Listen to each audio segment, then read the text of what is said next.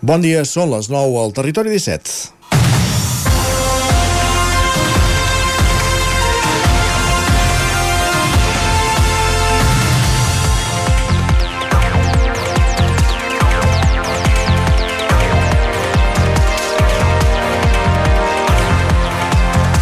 Qui ha anat passant pàgines del 9-9 cada dilluns i cada divendres al llarg dels 45 anys de vida del diari associarà segur l'empresa ripollesa com força amb les crisis i les immobilitzacions dels treballadors. Aquests dies torni a haver-hi aturades parcials i talls de carretera. N'hi va haver divendres, n'hi va haver ahir i n'hi haurà demà. Els treballadors apreten en la negociació del conveni i alhora reclamen acabar amb aquesta mena d'incertesa que els provoca ser una anomalia, una empresa metal·lúrgica que és de titularitat, de titularitat de l'administració. En el seu dia, la Generalitat va optar per fer-se encàrrec per garantir el seu futur i els llocs de treball al territori. Però al llarg de dècades hi ha hagut temps suficient i s'han fet les inversions per posar l'empresa al dia i deixar-la en condicions per trobar un comprador del sector privat. Algú dirà que de la mateixa manera que hi ha empreses públiques gestionant pistes d'esquí poden eh, fer-ho també amb metal·lúrgiques. Ara bé, la missió de qualsevol empresa és generar benefici econòmic i social i això està sobradament demostrat que es pot fer i s'ha de fer des del sector privat. L'administració, per alguns, excessivament burocratitzada pot arribar a ser un problema i per això ara, en els últims anys, s'ha demostrat que l'empresa pot ser productiva i obtenir beneficis i és un bon moment per posar-la al mercat i resoldre aquesta anomalia. La pressió sindical hi continuarà sent, perquè forma part de qualsevol organització empresarial, però almenys el futur es veurà més clar. És dilluns 4 de desembre de 2023, en el moment de començar el Territori 17, a la sintonia de la veu de Sant Joan, Ràdio Cardedeu, una codinenca, Ràdio Vic, el 9FM, i ens podeu veure també a través de Twitch, YouTube, Televisió de Cardedeu, el 9TV i la xarxa més. Territori 17.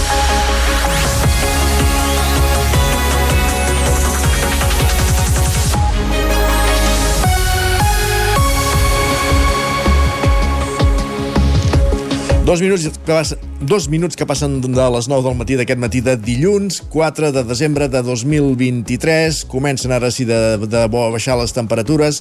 En el moment de començar el Territori 17, el magazín de les comarques del Vallès Oriental, l'Osona, el Ripollès, el Moianès i el Lluçanès, que us fa companyia cada matí durant dues hores des d'ara i fins al punt de les 11. I de quina manera i amb quins continguts? Doncs ràpidament repassem el sumari del matí. En aquesta primera mitja hora ens dedicarem a aprofundir en les notícies més destacades de les nostres comarques, les notícies notícies del Territori 17 en connexió amb les diferents emissores que dia a dia fan possible aquest programa. També farem un cop d'ull al cel amb en, Pep Acosta, amb en Pep Acosta perquè ens expliqui aquesta baixada de temperatures i com evolucionarà la setmana i anirem fins al quiosc en companyia de la Clàudia Dinarès per repassar quines són les portades dels diaris del dia. A partir de dos quarts de deu pugem al tren com cada dia la Trenc d'Alba amb l'Isaac Muntades des de la veu de Sant Joan recollint les cròniques dels oferts usuaris de la línia de tren Barcelona-Granollers-Vic Ripoll-Puigcerdà. Sempre hi ha incidències notícies, ara més que hi ha la línia tallada per obres entre Parets i la Garriga.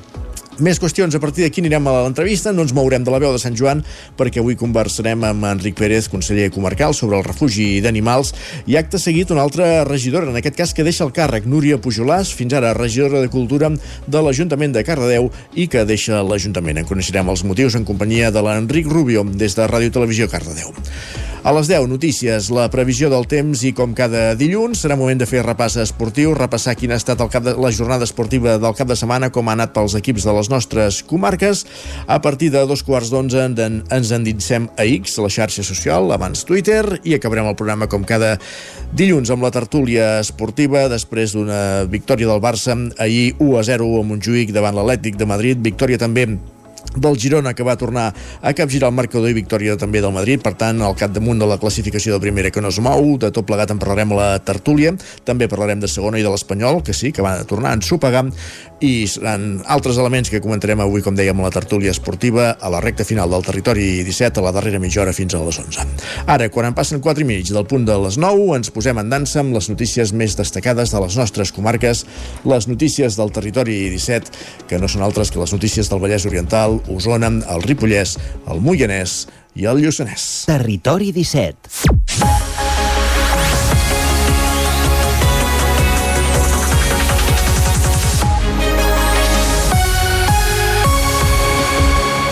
L'aportació de la Generalitat a la Universitat de Vic creixerà fins, al, fins prop del 25% del pressupost total. Ho estableix el nou conveni programa negociat els últims 5 anys, el 9FM. Clàudia Dinarès. Exactament. La Universitat de Vic rebrà des d'ara i fins l'any 2026 més de 13 milions d'euros anuals eh, de la Generalitat. Així mateix ho estableix el nou conveni programa que la Fundació Universitària Balmes i el Departament de Recerca i Universitats van desbloquejar el passat mes d'agost i que han ratificat aquests últims dies. Així acaba un període d'interinitat i d'incertesa que la Universitat Bigatana arrossegava des de l'any 2018 quan va caducar el conveni anterior signat l'any 2015 amb una dotació llavors de 7,3 milions d'euros anuals. Jordi Baget és el director general de la Fundació Universitària Balmes. Ara tenim un horitzó de 4 anys i això ens marca també un altre objectiu, que és que a partir de demà ja hem de començar a negociar un nou escenari però d'aquí, quan arribi l'any quart, doncs que no ens estem tant temps sense tenir un conveni programa i anem fent pròrrogues anuals que depenent de si hi ha pressupostos, si no hi ha pressupostos, si augmenten els recursos, si disminueixen els recursos, doncs pot passar que millor doncs, tinguis aquesta incertesa i aquesta inseguretat. Per tant, eh, és positiu, tenim un escenari de 4 anys que ens dona eh, que ens dona aquest conveni programa i des d'avui mateix ja hem de començar a treballar pel següent el nou conveni programa permetrà augmentar la política de beques. El curs passat se'n van atorgar 3.375.963, de les quals al campus de Vic. Amb l'augment de recursos, Baget calcula que hi haurà 800 estudiants més becats. La rebaixa pot arribar als 1.000 euros en el cas dels graus de preu semipúblic i de 2.000 euros en els de preu privat com medicina. El que ens permetrà fer és abordar aspectes i reforçar aspectes com, per exemple, eh, les beques eh, donar beques a tots els estudiants, en aquest cas de la UBIC UCC, perquè eh, doncs, la, aquells que tinguin més dificultats per accedir al pagament de les matrícules doncs vegin reduït substancialment, a l'entorn d'un 20%, doncs, eh, el cost de la matrícula universitària.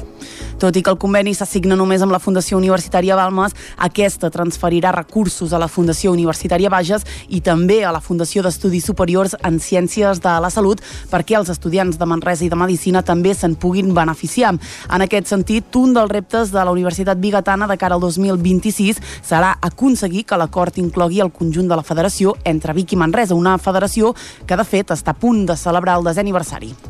Més qüestions. Pere, entendre'ns, durant els darrers quatre anys, president de la Cambra d'Osona s'acomiada d'aquest ens en una nova edició del Dia de la Cambra. La nit va començar amb el lliurament de premis. Joaquim Bosch, de Destileries Bosch, a Sant Quirze de Besora, es van dur el premi a la trajectòria empresarial que li lliurava la cambra. Se li reconeixien així els més de 60 anys de dedicació a l'empresa fundada l'any 1892, que té en la ratafia el gran estandard i que ara porten la cinquena i la sisena generació de la família.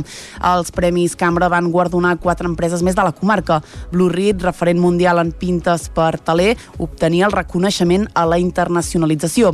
Floc Drone Arts, que crea espectacles amb dron, va rebre el Premi a l'emprenedoria innovadora. En l'apartat d'indústria agroalimentària es va guardonar Pavic per la seva innovació constant i Ferrés, especialitzada en enginyeria i disseny de maquinària per la indústria alimentària, rebia el Premi a l'empresa industrial. Sentim el director general de Blue Reed, Jaume Torre, i també a Fran Arnau, de Floc Drone Art. En nom de Blue Reed vull agrair profundament a la càmera aquest premi i també a cada professional que ha format part del nostre viatge.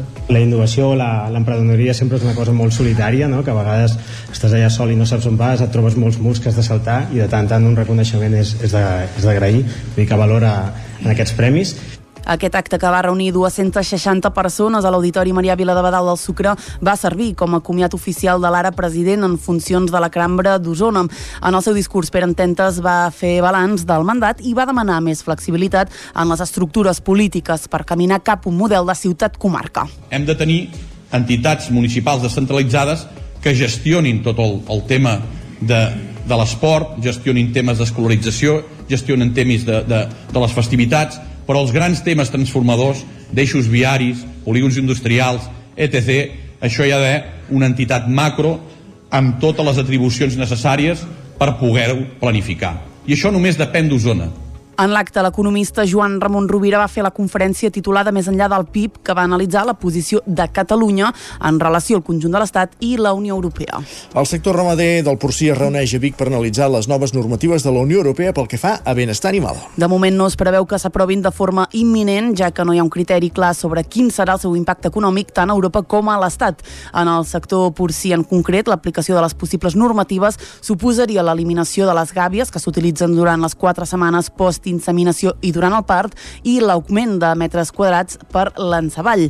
Unes mesures que el director de l'Associació Nacional de Productors de Bestiar Porcí, Miguel Ángel Higuera, veu fatídiques. La eliminación de las jaulas en, en partos podría conllevar quedarnos entre el 80 y el 85% del censo que tenemos actualmente en la Unión Europea, debido a que como vamos a necesitar más espacio para las salas de parto y tenemos muchas dificultades de construir nuevas naves, lo que vamos a hacer es que tenemos menos animales en el mismo espacio que tenemos ahora mismo en la actualidad. Eso a nivel de la Unión Europea supondría un impacto económico simplemente en las inversiones de más de 6.000 millones de euros. Y para España, como principal productor, estaríamos hablando de más de 1.700 millones de euros solo y exclusivamente transformar esa parte de las jaulas. Unes conseqüències que suposarien la reducció de carn porcina d'Europa i Espanya i, per tant, la necessitat d'importar-ne d'altres punts del món. Una de nuestras fortalezas es que somos exportadores. Si nosotros reducimos la producción, nos convertiríamos en netamente importadores y afectando muchísimo nuestra producción, porque los productores españoles y europeos tendrían unos requisitos altísimos de bienestar animal y estaría entrando carne en la Unión Europea que no cumpliría ningún requisito de bienestar animal. Unes normatives que arriben perquè la societat les demana. De fet, les últimes informacions de l'Eurobaròmetre, una enquesta feta per la Comissió Europea, mostren que la gran majoria d'europeus, concretament el 84%, creu que el benestar dels animals de granja s'ha de protegir millor en el seu país del que es protegeix actualment.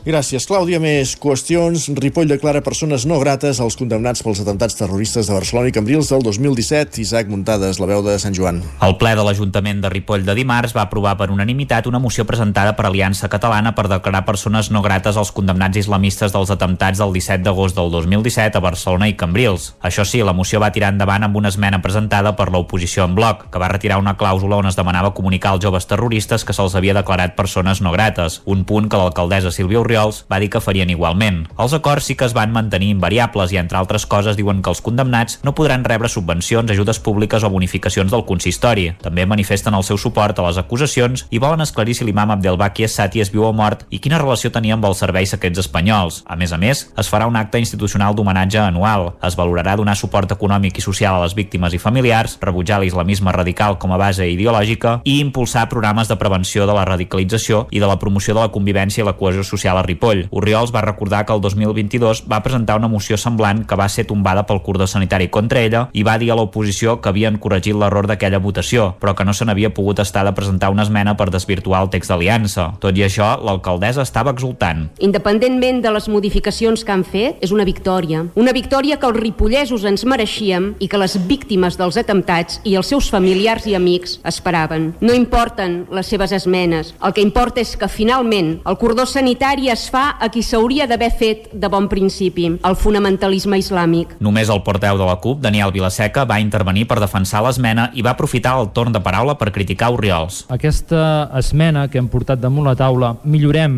el text que havia presentat Aliança Catalana. Sense cap mena de dubte, fem un text molt més sòlid, molt més convincent. Queda clar que el que fem queda totalment fora de qualsevol tipus de precampanya política, com semblava als acords que presentava Aliança Catalana. De fet, l'alcaldessa no, no s'ha pogut estar de fer eh, aquests 20-30 segons que després doncs, penjarà a les xarxes socials per poder difondre que ella ha estat capaç de, de, de fer doncs, eh, aquests acords. En fi, el victimisme i la golatria a vegades no tenen límits. Vilaseca va condemnar amb fermesa els atemptats terroristes, va donar suport a les víctimes i a les seves famílies i va dir que han de ser capaços de tenir eines per ajudar a passar el dol i dolor que van causar aquests atemptats. Més qüestions, gràcies Isaac. Els pessebristes de Sant Antoni de Vilamajor, al Vallès Oriental, presenten una nova edició de l'Expo-Ruta i el Joc dels Pessebres de Contes Populars, que aquest Nadal omplirà els comerços i establiments de Vilamajor, de cultura, art i tradició. Enric Rubio, Ràdio Televisió, Cardedeu. Així és, Isaac. Pocs dies abans d'encetar el mes de desembre, els passebristes de Vilamajor ja ho tenien tot a punt per commemorar aquestes festes amb les tradicionals activitats emmarcades en Nadal. I enguany, un any més, compten amb la col·laboració conjunta dels ajuntaments de Sant Antoni de Vilamajor i Sant Pere de Vilamajor. Com bé deies, aquest passat dissabte a les 12 del migdia ha tingut lloc la inauguració i presentació d'aquesta nova edició, la qual, aquest 2023, està ambientada en contes populars. Com a novetat, es podrà fer per primera vegada la marxa del recorregut de les tres rutes establertes des de la plaça Joan Casas de Sant Antoni, per visitar els pessebres que s'exposen a paradors de comerços i locals de diferents indrets de Sant Antoni i Sant Pere. Des dels consistoris i l'Associació de Passebristes s'augura una gran afluència de gent que, si bé cada any omple, aquest any han rebut més entusiasme i bones crítiques que mai. I les donacions de sang es mantenen a Sant Feliu de Codines. Aquest 2023 creixen a Caldes i al Moianès i cauen a Vigues i Riells del Fai. Roger Ram, zona codinenca. Sí, exacte. Bon dia. Les dades facilitades pel Banc de Sang i Teixits apunten a una tendència a la baixa en general pel que fa a les donacions, ara bé, amb algunes excepcions. Anem a PAMS. A Sant Feliu de Codines, en el que portem d'any, s'han fet un total de 342 donacions, són 36 menys que el 2022. A Vigues i Riells del Fai és el municipi del nostre entorn on més cauen aquest any. N'han estat 216, mentre que l'any passat van ser 340. En canvi, a l'altra banda, a l'altra cara de la moneda, hi trobem Caldes de Montbui avui, on aquí les donacions han augmentat de manera exponencial. Atenció, ho han fet en un 42%, passant de les 404 l'any passat a gairebé 700 enguany. A la comarca del Moianès, en el que portem d'any, s'hi han fet un total de 401 donacions en les campanyes que el Banc de Sang ha fet als municipis de Moià, Castellterçol i Santa Maria d'Oló, una xifra pràcticament calcada a la de l'any anterior. Escoltem en Albert, promotora del Banc de Sang al Vallès Oriental. Alguns municipis és veritat que ha baixat una miqueta la donació, però no és que la gent ja no hi col·labori, sinó que no els hi va bé el ventall a lo millor de la tarda i és per aquest motiu que, que ha baixat una miqueta la, la donació. En altres municipis, però, hem pogut mm, augmentar el número de sessions, és a dir, augmentar la presència en aquests municipis i, per exemple, en el cas de Caldes, ha pujat molt la donació. Amb les festes de Nadal a l'horitzó, el Banc de Sang i Teixits de Catalunya fa una crida a fer donacions, ja que tradicionalment en aquests dies les xifres cauen prop d'un 20%, un fet que complica i molt obtenir les més de 1.000 donacions diàries necessàries. La veritat és que quan venen els Nadals patim una miqueta perquè baixen al voltant d'un 20% les donacions i necessitem que la gent també hi vagi doncs, o bé algun centre, on algun hospital on n'hi hagi banc de sang, o bé que s'apropi alguna de les campanyes que organitzem amb la col·laboració d'ajuntaments, entitats, d'escoles. La veritat és que mm, necessitem una mitja d'unes 1.100 donacions diàries i a vegades no arribem a aquestes donacions i és per això que, que, bueno, que intentem apropar-nos el, el més possible a la població.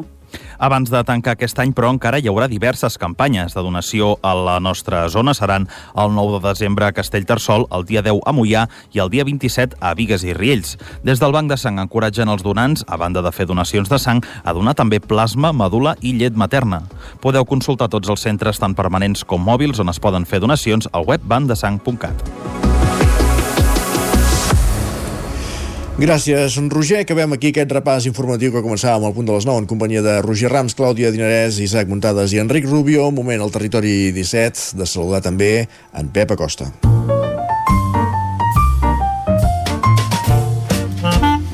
Casa Terradellos us ofereix el temps. Per tant, no ens movem d'ona codinenca ara per conversar amb el nostre home del temps, Pep Acosta. Benvingut, bon dia. Hola, molt bon dia. Com en el Aquí cap de estem. Torna la informació meteorològica, torna aquest espai, en aquest programa, eh, comença eh, una nova setmana, setmana molt interessant per molts, setmana curta, setmana de pont, en definitiva, una setmana on la informació meteorològica és important. I eh, diem aquest espai després d'un cap de setmana força interessant pel que fa a la situació meteorològica. Divendres, per fi va ploure, va ploure bastant cap a la zona del Pirineu. Uh, Núria Vidater va acumular més de 50 litres. Van ploure això, eh, 50-60 litres en una zona bastant extensa, molt bona notícia per, uh, pels rius, pels pantans, excel·lent notícia tot i que llàstima que no va ser neu perquè va ploure molt, molt amunt però bueno, eh, almenys eh, aquesta pluja és molt, molt beneficiosa. Només va ploure fort en aquesta zona, eh, com deia, cap a, cap a alta muntanya, cap al Pirineu, a la resta del nostre territori la pluja va ser molt més escassa, no va poder fer ni pessigolles a la sequera que vaig dient que tenim des de fa molts i molts dies. Interessant també la baixada de les temperatures. Ha fet fred aquest cap de setmana, moltes màximes ni han arribat als 15 graus, moltes mínimes englaçades, eren glaçades a moltes poblacions de les comarques. Per tant, l'hivern per fi es nota una mica, eh, per fi fa el temps que ha de fer. Tot i que dissabte i diumenge el temps ha estat majoritàriament assolellat, sense puja, però per fi aquest fred que va guanyant eh, posicions. I aquesta nit no ha fet tan fred, per què? Perquè ens ha acabat un petit front, ens està acabant de creuar, ha provocat quatre gotes en algunes hores, molt poca cosa, però ha provocat que la temperatura pugi una mica. I avui serà un temps variable. Tindrem forces núvols i de cara a la tarda no és impossible alguna precipitació cap a la zona del Pirineu. Si plou serà puja escassa, ni molt menys, per desgràcia, com divendres. També una puja poder cap a Guilleries, Montseny, poca, poca cosa en general. Les temperatures màximes, moltes alta vegada, entre els 10 i els 15 graus. Continua aquest ambient bastant fresc. Alguna ventada important també cap a les zones de muntanya, de més de 50-60 km per hora, i poca cosa més a destacar. Dia bastant tranquil, només algun ruixat cap a la zona del Pirineu, un dia fresc, un dia d'hivern en definitiva, però que llàstima, llàstima que no acaba de ploure a totes les nostres comarques. No hi ha manera. Res més, a disfrutar d'aquesta primera setmana plena del mes de desembre, a disfrutar d'aquest ambient d'hivern i llàstima que no arriba la puja amb ganes i generosa. Moltes gràcies, adeu, bon dia. Llàstima, llàstima. Gràcies, Pep. Parlem d'aquí una estoneta. El que fem tot seguit és anar cap al quiosc. Casa Tarradellas us ha ofert aquest espai. Ara mateix 8 minuts perquè siguin dos quarts de 10 del matí. Com dèiem, moment d'anar cap al quiosc. Clàudia Dinarès, benvinguda de nou, bon dia. Bon dia de nou. Què diuen avui els diaris? Comencem per les dues edicions del 9-9. Exacte, comencem per l'edició d'Osona, el Ripollès i el Lluçanès, que diu obriran a l'antic restaurant de la C-17 a Tagamanent una planta per tractar llana. A l'edifici ara abandonat també s'hi projecta un mercat municipal de quilòmetre zero.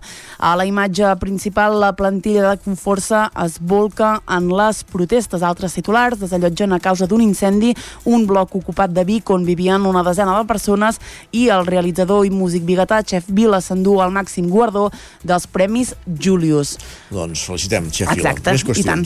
Anem a l'edició del Vallès Oriental que diu participants en una trobada il·legal de cotxes a paret s'enfronten a la policia local. Els brètols van abraonar-se sobre un cotxe patrulla i van trencar-li el parabrisa. A la imatge, arbres, llums i il·lusió. Granollers, Mollet, les Franqueses, Sant Celoni, Caldes i la Garriga decoren els carrers per Nadal. Més coses avaluen el tram de la Ronda Nord a Canovelles, de l'accident mortal de l'estiu i empenta de mig milió per la planta de rentat de llana, com veiem a l'antic restaurant de la C-17 a Tagamanent. Anem cap als diaris que s'editen a Barcelona. Exacte, comencem amb el punt avui que diu l'hora dels comptes. El govern es concentra ara en l'aprovació dels pressupostos. El PSC i els comuns alerten que no negociaran fins que no es compleixin els acords del 2023. A la imatge, l'hivernacle torna a lluir. Barcelona recupera un dels edificis més emblemàtics de l'exposició universal de 1888. En esports, el Barça venç l'Atlético amb un gran gol de Joao Fèlix. Anem al diari Ara, que diu Netanyahu intensifica els bombardejos tot i la pressió dels Estats Units. La vicepresidenta Kamala Harris ha avisat a Tel Aviv que han mort massa civils innocents a Gaza. A la imatge, la dolça revenja de Joao Fèlix, com dèiem, i les protestes contra l'amnistia, ho veurem quan anem a Madrid, perden força. El Partit Popular carrega contra el verificador, però només reuneix 8.000 persones. El periòdico El Pont consolida l'any de la recuperació del turisme, diu les previsions són molt bones i el sector espera superar per primera vegada els nivells prepandèmia. A la imatge, el Partit Popular contra la humiliació del mediador. Feijó carrega contra el verificador entre PSOE i Junts per Catalunya. Un titular, i anem a, un titular més i anem a l'avantguàrdia. Els aqüífers catalans també en mínims inèdits per la sequera. I ara sí, Isaac, acabem amb l'avantguàrdia, diu la Generalitat rebaixarà l'IRPF a 3 de cada 4 contribuents i a la imatge victòria d'un Barça amb dues cares. Ja em sé qui, necessit... ni qui necessitarà el mediador al final serà el PP, però per reconciliar-se amb el món, bàsicament. Exacte. És que... Va, més qüestions. En fi, anem cap a Madrid, comencem amb el país que diu un 60% dels espanyols creu que l'amnistia és injusta i que és uh, un privilegi. Uh, en esports, Joao Fèlix de, diu dona la victòria al Barça davant de l'Atlètic. Al Mundo, el PSOE tem que la Unió Europea tombi l'amnistia per al terrorisme. A la imatge, el PP no fluixa la protesta als carrers. Eh? A Catalunya veiem que, no que perdien força, aquí no, eh? que no fluixen. I, en fi, a les portes del 45 aniversari de la Constitució Espanyola, els professors lamenten les dificultats, diu, per educar en la cultura democràtica. Carai. Anem acabant, anem a la raó que diu Feijó endureix l'oposició com a resposta al mediador. El líder del PP considera una humiliació que un expert en guerrilles, així mateix ho diu, decideixi com eh, s'ha de tractar a Catalunya. I arriben a Canàries el doble de pateres que l'any passat. Acabem amb l'ABC, ara sí, que diu el PP no fluixen les seves protestes contra l'amnistia Puigdemont. Milers de manifestants es concentren de nou a Madrid per exigir que s'acabi amb aquest despropòsit. Gràcies, Clàudia. Fins ara. Fins ara, eh, repassant també edicions digitals del 99.cat, eh, la del 99 d'Osona i el Ripollès i el Moianès, es repeteix la portada del paper, obriran a l'antic restaurant de la C-17 a Tagamanent una planta per tractar llana i ampli seguiment de les mobilitzacions sindicals de Conforça, mentre que a l'edició del Vallès Oriental hi podem llegir ataquen un vehicle de la policia local de Parets en una concentració il·legal amb uns 200 vehicles a Can Volar, també ho llegíem a l'edició, a la portada d'edició en paper, i un disseny d'un alumne de Granollers és portada de Nadal del 9-9. Ja s'ha fet. El jurat ja ha deliberat quina serà la portada guanyadora de les, dues, de les edicions especials de Nadal de, del 9-9. I ara sí, fem una petita pausa al territori 17, 3 minutets de pausa, però tornem de seguida amb la resta de continguts previstos per aquest matí. De seguida pugem al tren a la trenc d'Alba amb l'Isaac Muntades i no es mourem de la veu de Sant Joan per parlar del refugi d'animals amb el conseller comarcal Enric Pérez. Per tant, pausa al territori 17, 3 minutets i tornem de seguida. Fins ara mateix.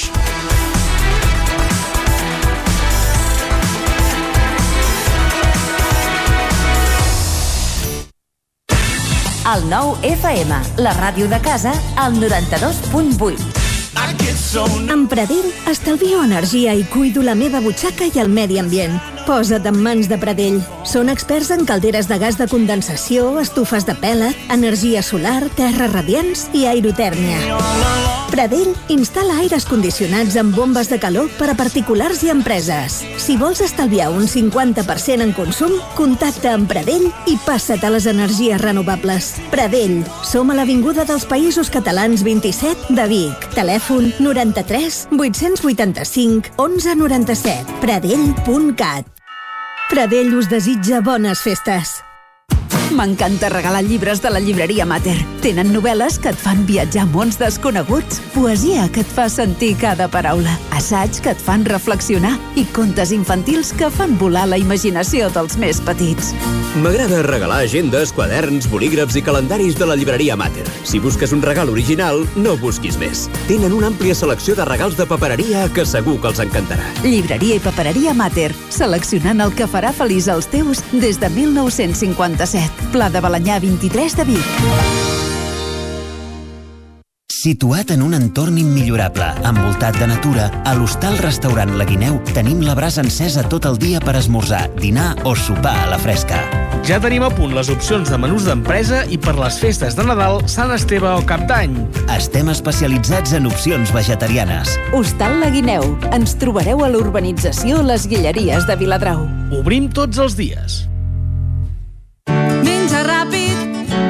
Menja fàcil, el trinxat de les Cerdanyes, tio Carlit. Mmm, boníssim! Trinxat Carlit, 100% natural, fet cada dia a Puigcerdà i a punt en un minut. Encara et preguntes què t'emportaràs a la feina o a la uni per dinar? El trinxat de les Cerdanyes, tio Carlit. Quan tingui un problema amb la seva caldera, vagi directament a la solució. Truqui sempre al servei tècnic oficial de Saunier Duval i despreocupis, perquè som fabricants i coneixem les nostres calderes peça a peça. I ara aconseguiu fins a 300 euros en canviar la caldera. Informeu-vos al 910 77 10 50 o a saunierduval.es. Cada dimarts a les 11 de la nit, al 9 FM, repàs de l'actualitat esportiva a la banqueta. Anuncia't al 9FM. La màquina de casa. 9 3 8 8 9 4 9 4 9. Publicitat arroba al 9FM.cat. Anuncia't al 9FM. La publicitat més eficaç. El 9 FM, la ràdio de casa, al 92.8.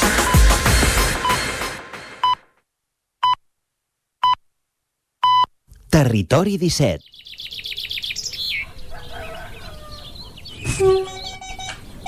A Tren d'Alba. Cada dia els usuaris i usuàries de la línia R3 de Rodalies que veuen sortir el sol des d'un vagó ens expliquen les gràcies i les penes del primer comboi que uneix Ripoll i Barcelona o les feixugues jornades amb el tren després de treballar.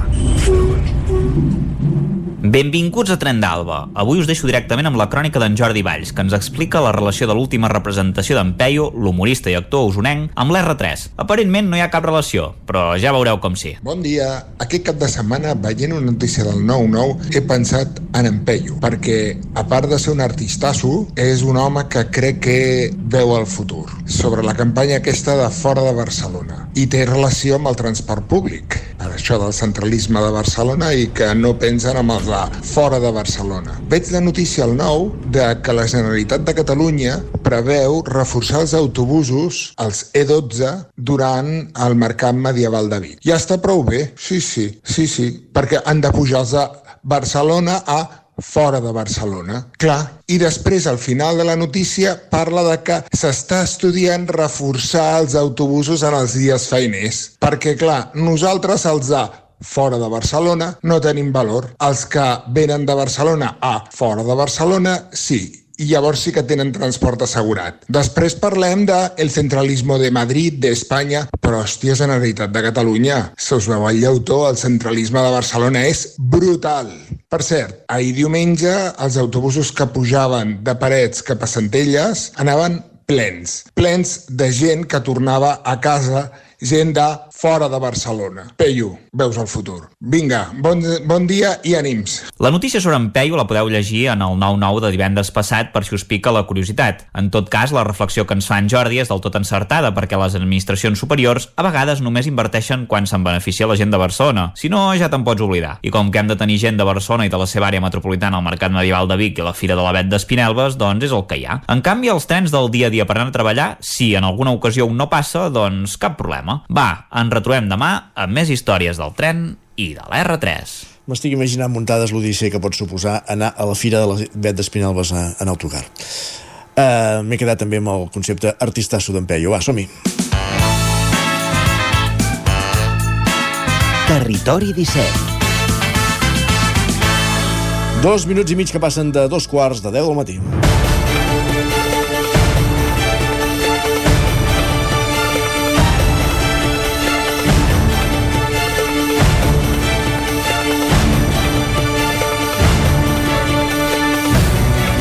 El refugi d'animals del Ripollès acull gossos abandonats de la comarca per encàrrec dels 19 municipis. Està ubicat a la finca de Baups, al terme municipal de Ripoll. Els animals viuen en un recinte de 1.900 metres quadrats i en un indret assolellat i envoltat de natura.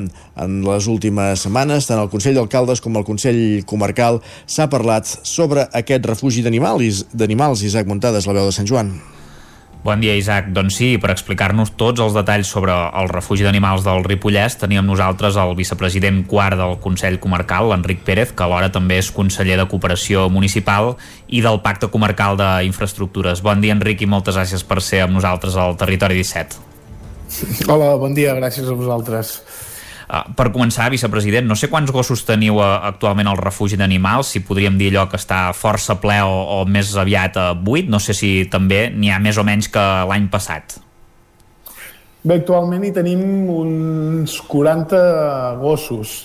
eh, que estan de forma permanent. És evident que és una cosa dinàmica, en van entrant, en van sortint, sobretot eh, a nivell d'adopcions estem molt contents, que la gent és sensible, però bé, sí que últimament doncs, ens hem trobat amb una casuística que és el que ens està fent canviar una mica o ens està determinant d'alguna manera o condicionant el, el servei que portàvem eh, fent fins ara. Uh -huh. El ple ho comentar precisament que han augmentat els gossos de, de races potencialment perilloses que hi ha al refugi. Quins problemes suposa tenir aquests animals?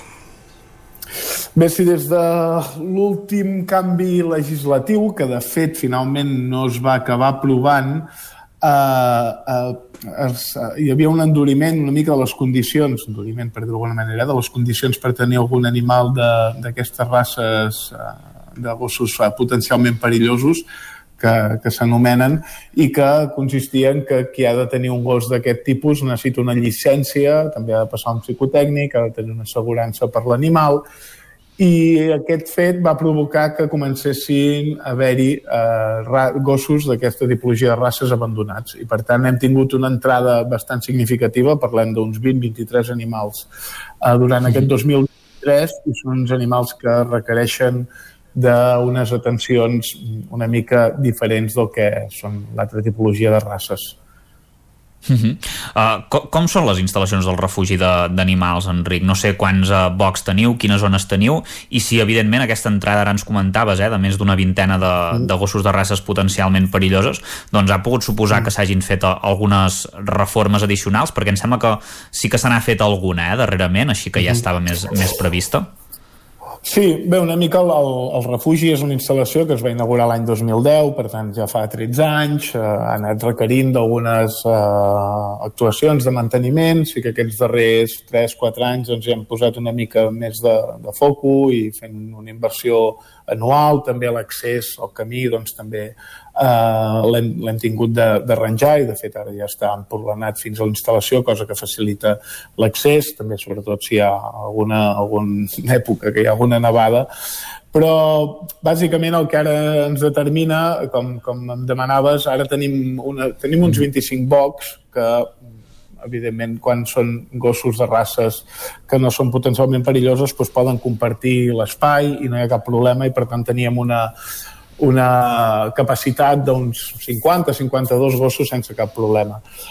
En el moment que ens comencen a entrar aquesta tipologia de gossos, eh, el que ens condiciona molt és que cada gos necessita un box. És a dir, no, no podem mhm. ajuntar-ne dos perquè es podrien arribar a brallar i evidentment són gossos que tenen molta força i que, i que també ens condiciona que aquestes gàbies ens hem, o aquests bocs o aquestes casetes, per dir d'alguna manera, les hem de reforçar també perquè, bueno, perquè en un moment donat eh, doncs hem de garantir eh, la, la seva seguretat i també la seguretat dels treballadors que, que hi ha, eh? sense voler estigmatitzar pobres eh, aquesta tipologia sí, sí. de gossos que, que n'hi ha que són la mar d'amables i dòcils, eh? però bueno, sí que és veritat que per les condicions físiques que tenen eh, bueno, mm -hmm. requereix eh, estar atents. Evidentment s'hauria de renyar més aviat als propietaris, segurament que, que els abandonen i que provoquen doncs, això, eh, que entrin en el, en el refugi d'animals de, del Ripollès, que no com, com vostè diu, que el tema de que són gos, gossos que en la seva majoria són dòcils si se'ls tracta bé i, i sense cap problema. Uh, comentava el tema dels treballadors que hi ha al refugi d'animal, no sé si són suficients, si s'ha si fet algun augment de plantilla darrerament, perquè entenc que amb l'arribada de gossos potencialment perillosos uh, doncs també pot ser que es necessiti algun, algun treballador més. Sí, en aquest sentit ja, ja anàvem bueno, una mica doncs, de, de justos, en aquest cas el personal que, que treballava, perquè tenim una persona treballant a jornada completa i una altra mitja jornada que cobreix els caps de setmana, però sí que és veritat que a l'hora de, de, de, de entorns de vacances o, o bé, si teníem alguna, algun, algun problema, alguna baixa puntual, doncs sí que havíem de cobrir el servei amb, bueno, una mica com bonament podíem. No? Ara doncs, s'ha doncs, plantejat que de cara a l'any vinent incorporarem mitja jornada més, una persona amb mitja jornada, tant per cobrir el tema de vacances, però també, sobretot, per donar cobertura a una cosa que ens preocupa, que és que, que, que bé, també hem de pensar que aquesta tipologia de races eh, quan, quan normalment ens agrada que tots els gossos puguin sortir una estona, puguin esvergir-se, però aquesta tipologia de gossos, eh, per una part, no els poden per, per un tema normatiu, els voluntaris que tenim al refugi els quals també agraïm moltíssim doncs, la, seva, la seva tasca que fan amb nosaltres desinteressadament, que ens ajuden doncs, això, a poder passejar els gossos, però en aquest cas, amb aquestes races, ells no ho poden fer per un tema de cobertura eh, i de seguretat, eh, doncs no, no ho poden fer. Per tant, ho hem de fer en personal del refugi, eh, de fet només en podem treure un cada vegada, per tant, bueno, això també ens condiciona també la qualitat de l'assistència que, estem, que estem donant. Incorporarem aquesta mitja persona més, que també el que ens ha de permetre és que a vegades doncs, quan s'està fent una mica les estones d'esbarjo d'aquests gossos pues, que sempre hi hagi, o, dins la mesura de les possibilitats que hi hagi dues persones al refugi per si hi hagués qualsevol mm. incidència. I pel que fa al saldo d'abandonaments, adopcions, diguéssim com està la cosa? Creixen les adopcions d'alguna manera o, o no? Sí, com deia una mica al principi, estem molt satisfets de que jo crec que, que, que hi ha la gran majoria de, de les persones que es plantegen doncs, tenir un gos valoren eh, la, la possibilitat d'adoptar-ne un i una mica el tenim el, el, el creixement vegetatiu, per dir-ho d'alguna manera, el tenim equilibrat. Mm. És a dir, tots aquells gossos que entren, que realment bueno, que encara són gossos que, que tenen possibilitats, per dir-ho manera, no sé, com definir-ho, no? Bueno, són sí, sí, ens entenem. Que, Val, doncs realment quasi bé tots eh, normalment eh, són, són, són adoptats. És veritat que a vegades ens entren alguns animals que ja són molt vells o que, bueno, que tenen algun, algun tipus de patologia eh, que, que bé, nosaltres doncs, els cuidem de la millor manera possible, però sí que les famílies a l'hora d'adoptar doncs, poder, poder bueno, es, es tiren una mica enrere i per tant sí que en tenim alguns que tenen una llarga estada amb nosaltres. I el que sí que és veritat que ara aquest tipus de races mm, eh, potencialment perilloses, la veritat és que costa molt més de que hi hagi persones predisposades a acollir-les, bàsicament també perquè, com deia, eh, caldrà, cal una llicència per poder, per poder tenir aquesta tipologia d'animals. El, el, la dificultat, sobretot, perquè crec que el, el, la venda d'aquesta tipologia de races eh, doncs, està molt controlada, però sí que existeix tot un mercat negre que amb tot aquest afer no ens hi ajuda gens. -huh. I, I dels gossos també volíem parlar dels gats, perquè un altre problema que, que es va verbalitzar eh, en el Consell d'Alcaldes, també en el, en el ple del Consell Comarcal, de diferents alcaldes i consellers, eh, era això, eh, un tema de, de, de problemes amb les colònies de gats. No sé si el refugi d'animals pot acollir gats. Uh, inicialment la estava previst també que pogués acollir gats, però és veritat que, bé, per sort, al Ripollès doncs, tenim una associació que es diu Animals Vida Digna i que d'una forma altruista, desinteressada i amb una organització des de la societat civil s'està donant resposta al control de les colònies, mm, bueno, una mica doncs, cada ajuntament eh, ja es coordina amb aquesta entitat per fer aquest control de gats. Certament, ara també hi ha un canvi legislatiu i és que en cas que hi hagin gats domèstics que siguin abandonats també hauríem de tenir un recurs per poder donar resposta d'acollida amb aquests animals. Ara estem estudiant exactament quines, quins requeriments són els que hi han eh, per poder-ho treballar amb els ajuntaments per si és necessari adequar algun espai eh, en, el, en, el, en el refugi d'animals per, per, per atendre aquesta necessitat. Però bé, en principi tampoc ens estem trobant ara mateix que hi hagi massa, bueno, que no hi hagi cap incidència de, de gats domèstics que són abandonats i en canvi, bueno, en aquest cas pel que fa a les colònies de gats, doncs sí que, com, com dic, no? tenim una mica aquesta associació que està fent bona feina en el seu control, els ajuntaments cada any destinen uns diners amb estabilitzacions i crec que estan més o menys controlades aquestes colònies de, de gats. En la seva opinió, s'han d'invisibilitzar les colònies de gats més que no pas posar-hi casetes, com, com va dir l'alcaldessa? Doncs bé, una mica el que sí que hem d'evitar totes totes eh, és una mica com el tema dels horts a les lleres del riu, és el, el, el barraquisme, no? De fet, una mica el que hem d'analitzar és si allà on tenim eh, colònies de gats, que a vegades doncs, estan en aquests entorns de, de ribera, eh, bueno, o estiguin en entorn de ribera o no, eh? però sí que bueno, intentar doncs, que els espais on, on estan aquestes colònies que tinguin una bona imatge i que sortim a vegades doncs, que si necessiten, si necessiten algun tipus de refugi per, quan, per, quan doncs, hi ha inclemències meteorològiques greus, eh, que almenys siguin uns elements que, que, bueno, que, que, que siguin els adequats per, per, per mantenir una bona imatge d'aquests espais.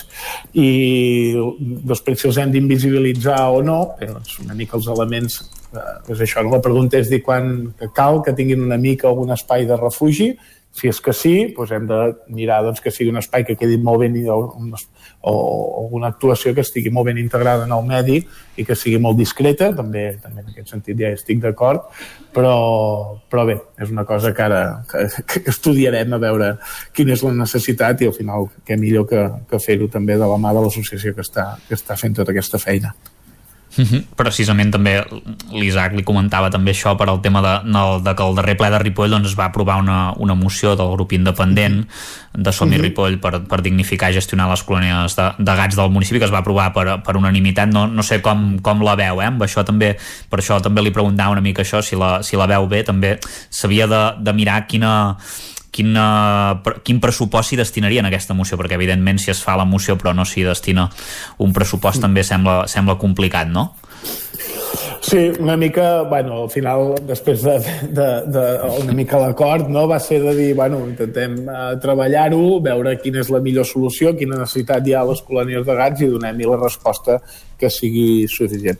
Uh, entenem que també és una actuació que tampoc és, ha de ser massa costosa en aquest sentit, crec que, que, que, que s'hi pot encabir dins un pressupost ni que sigui amb unes certes partides de manteniment o, o, o fent una petita inversió amb els elements que siguin necessaris per tant crec que s'hi pot donar resposta però sí que jo crec que el primer que cal definir és realment què, què cal fer-hi, què és necessari no? per, per, per si el, uh, els, els gats de les colònies necessiten un espai per poder fer una mica de xupluc i en cas que sigui la resposta que sí, doncs el que hem de fer és que sigui un element que estigui ben integrat en els entorns i que no, bueno, que això que defugim a vegades d'alguns elements que, que, que no toca.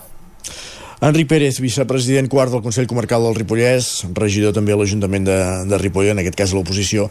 Gràcies per acompanyar-nos aquest matí aquí al Territori 17 i parlar del refugi d'animals. Molt bé, moltes gràcies i ja ho sabeu a la vostra disposició per qualsevol dubte, aclariment i, i, bueno, i esperem que de mica en mica tothom vagi prenent consciència que, que són serveis que hauríem d'intentar tendir a que desapareixessin perquè voldria dir que tothom uh, té la consciència de que quan tens un animal l'últim que pots fer és, és deixar-lo abandonat. Està clar. Mm -hmm. Fins la propera, gràcies, bon dia. Vinga, fins aviat, adeu, adeu. Gràcies també, Isaac, per acompanyar-nos aquest matí a l'entrevista. Parlem d'aquí una estoneta. Bon dia a vosaltres, fins ara. I nosaltres que avancem aquí al territori 17, tot seguit tenim cap a Cardedeu i a conversar amb un altre càrrec electe, però en aquest cas que, que deixa l'Ajuntament. Tot seguit saludem l'Enric Rubio, l'antena del territori 17.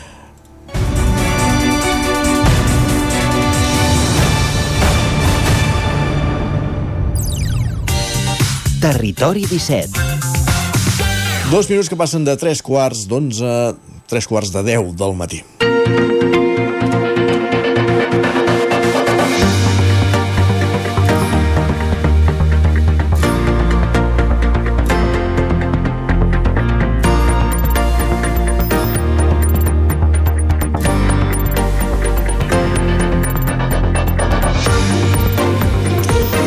Com dèiem, temps per la connexió, temps per sortir a l'exterior. Avui de qui estàs acompanyat? Enric Rubio, Ràdio Televisió Cardeu.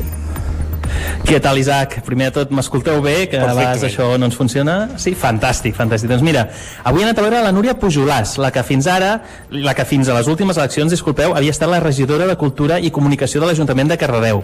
He volgut anar a visitar perquè, si més no, no és una regidora més. I això es va poder constatar a l'últim ple, on tots els grups municipals, i sense excepció, van reconèixer la seva gran tasca amb la regidoria, la seva dedicació i un clam que és estès entre aquests i també entre la ciutadania, que és que hagi estat sempre i a tot arreu. Israel Va entrar a política amb Esquerra precisament amb l'última legislatura i va estar 4 anys. I és per això que avui volem preguntar-li com ha estat això d'entrar en un ajuntament com Cardedeu i també com ha estat això de sortir-ne amb el reconeixement de tots els colors polítics en un moment actual tan convuls a nivell nacional on és palès que entre els partits, per molta i bona feina que facin, de vegades alguns d'aquests mai es reconeixen uh, dels altres. Malgrat ser una evidència. Bon dia, Núria, com estàs? Bon dia, estic molt bé i més ara que t'acabo de veure.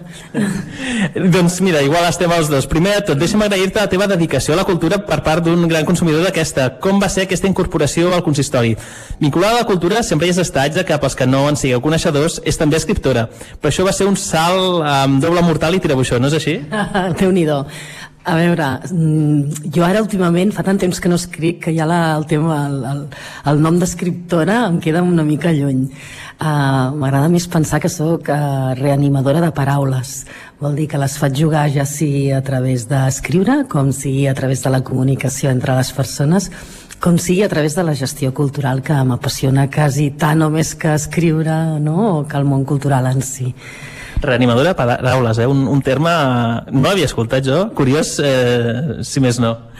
A mi m'agrada agafar una paraula, girar-la, mirar-me-la des d'un altre lloc, trobar-li quants sentits té, mirar quants refranys, allò que fas tu en l'Info Podcast al matí, no? amb la Susana, eh, aquest jugar amb el nostre llenguatge. Això és el que m'agrada més i juga molt i, i pels que la seguim a l'Instagram ho podem veure clarament amb les composicions que, que, que crea sempre. Abans, anem a veure, abans d'entrar i vist des de fora, um, què esperaves uh, trobar-te uh, dins de l'Ajuntament? La imatge que em podies tenir estava molt distorsionada respecte a la realitat, ara vista en perspectiva, perquè tots ens imaginem segurament com deu ser allà dins i segur que des de dins és una cosa completament diferent. Més que dins de l'Ajuntament, que jo ja havia treballat a l'administració quasi tota la vida, a la Generalitat i a altres ajuntaments, i per tant podia saber més o menys què hi ha dins d'un ajuntament, no com a regidora, sinó com a tècnica ho havia fet, no? Uh, com a regidora, a mi el que m'agradaria parlar algun dia, que crec que se'n parla molt poc, és de l'ofici de polític. No? Uh, ens neguem, els polítics, neguem que això és un ofici, és un ofici, és una feina, i no ens hauria de fer vergonya dir que això és una feina.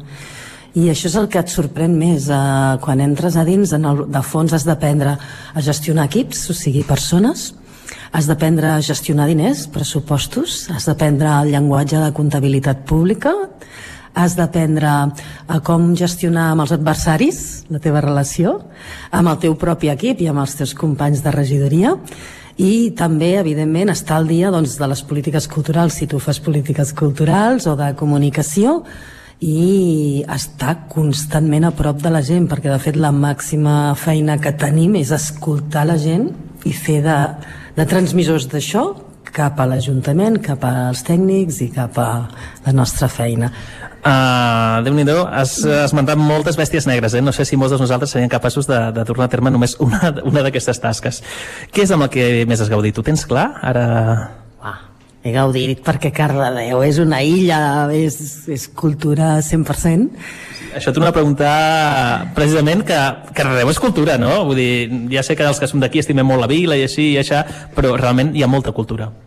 Hi ha molta cultura. Jo, jo a mi m'agrada parlar també de creativitat i de persones creatives, perquè no només hi ha molta cultura, que sembla un terme a vegades que ens queda lluny i elitista. No, a Cardedeu la cultura és al carrer, és de molts tipus, és molt diversa. Quilòmetre zero, absolutament. Totalment, i també ens agrada moltíssim, evidentment, aprendre del que ve de fora, però també la diversitat. La cultura de la plec de Sant Hilari no té res a veure amb la cultura que pot estar fent la Marta Carrasco.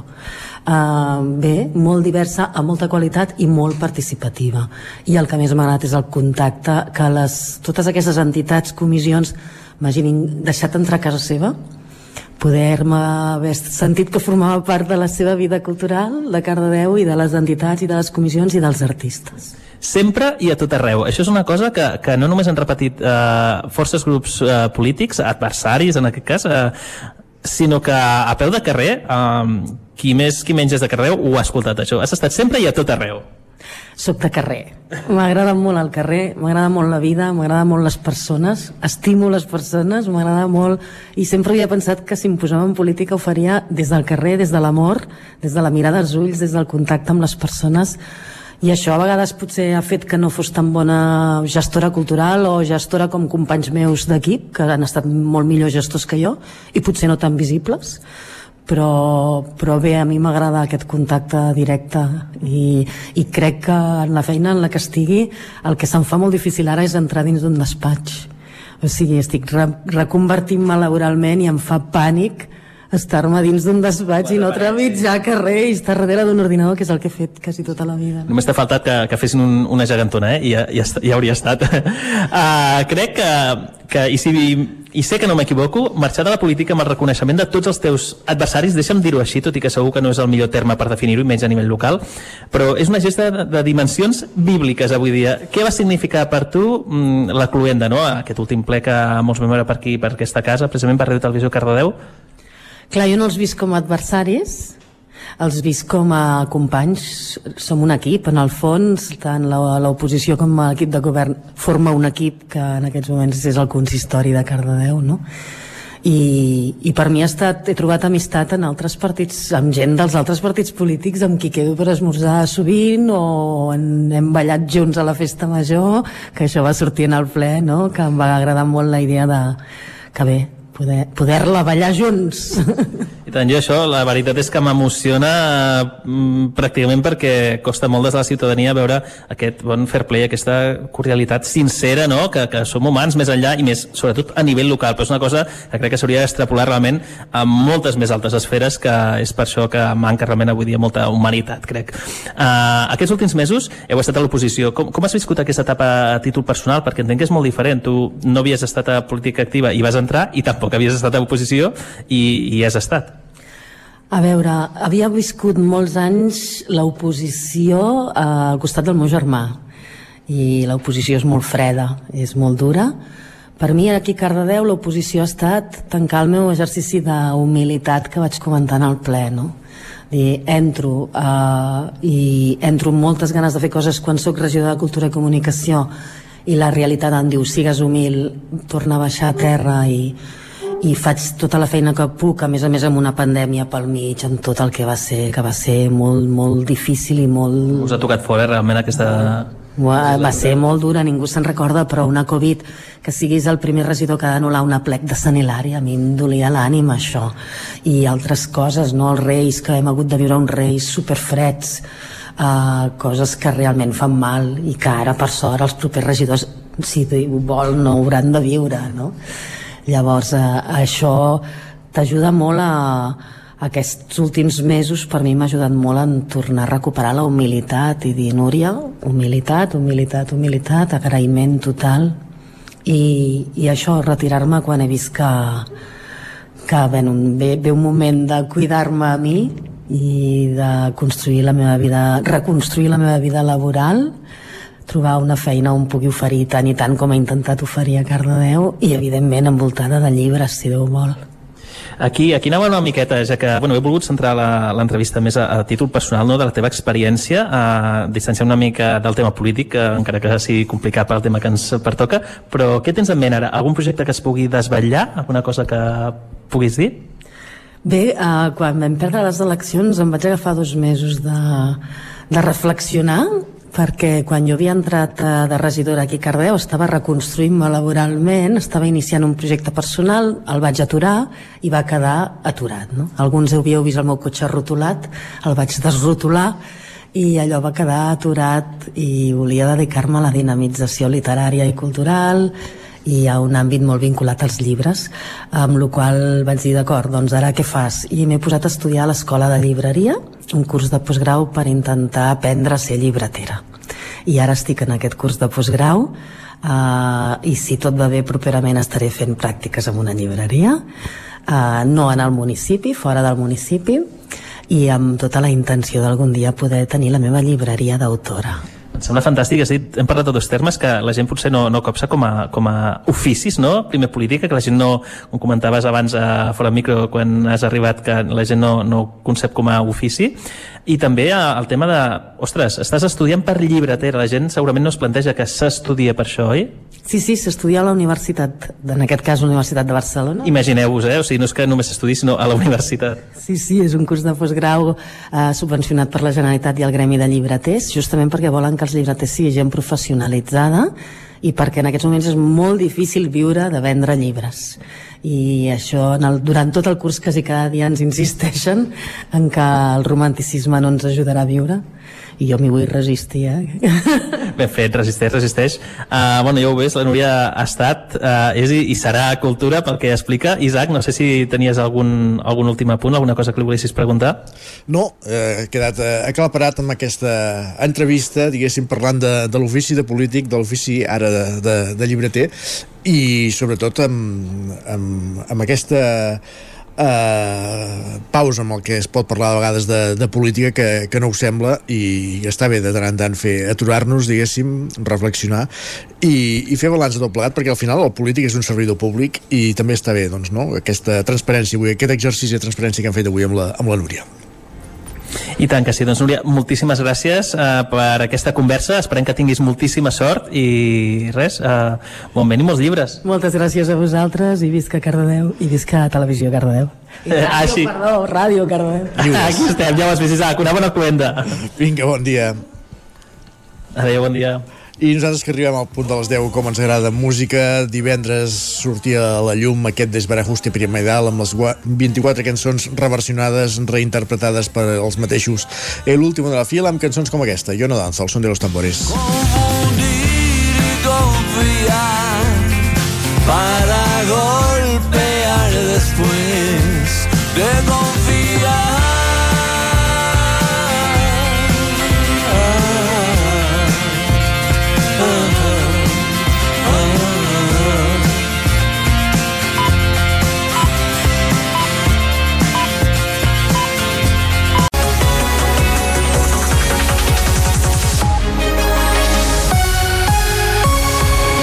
és moment d'actualitzar-nos, és moment de posar-nos al dia amb les notícies més destacades de les nostres comarques, el Ripollès, Osona, el Vallès Oriental, el, Rip, el Moianès i el Lluçanès, i ho fem en connexió amb les diferents emissores que dia a dia fan possible aquest programa Ràdio Cardedeu, Ona Cotinenca, la veu de Sant Joan, Ràdio Vic, el 9 FM.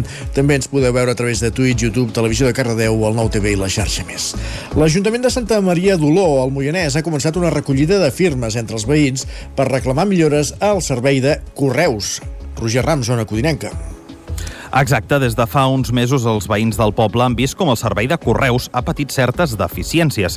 L'Ajuntament ha vist que l'empresa Correos no ha fet cap canvi per intentar revertir aquesta situació i per això ara ha començat una recollida de firmes per reclamar millores en el servei. L'alcalde d'Oló, Xavi Baraut, explica que ja fa mesos que el carter del poble es va jubilar i actualment comparteix amb carter amb tres municipis més. Bé, bàsicament la persona que teníem destinada a Olor s'ha jubilat i fins a dia d'avui no tenim cap persona que el, que el substitueixi.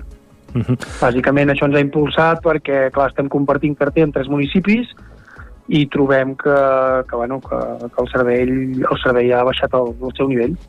Baraut explica que, malgrat des del poble estan posant totes les facilitats per revertir la situació, aquesta s'arrossega des de l'estiu i que Correus els va prometre una solució ràpida que, de moment, no arriba. I bàsicament per això hem iniciat eh, doncs, aquesta, aquesta recollida de signatures perquè pensem que, que és un bé per tothom i sabem que la gent doncs, eh, se'ns ha queixat, doncs ja bueno, ho hem volgut engegar des de, des de l'Ajuntament directament. Uh -huh. Bé, entre l'estiu i ara, doncs sí, hi ha hagut diferents eh, carters, últimament sí que, sí que ve la mateixa persona, fins i tot els hi hem posat un, un local nostre a disposició perquè, perquè el puguin tenir, però clar, pensem que ens van dir que seria tot molt ràpid i de ràpid de moment no, no n'està sent.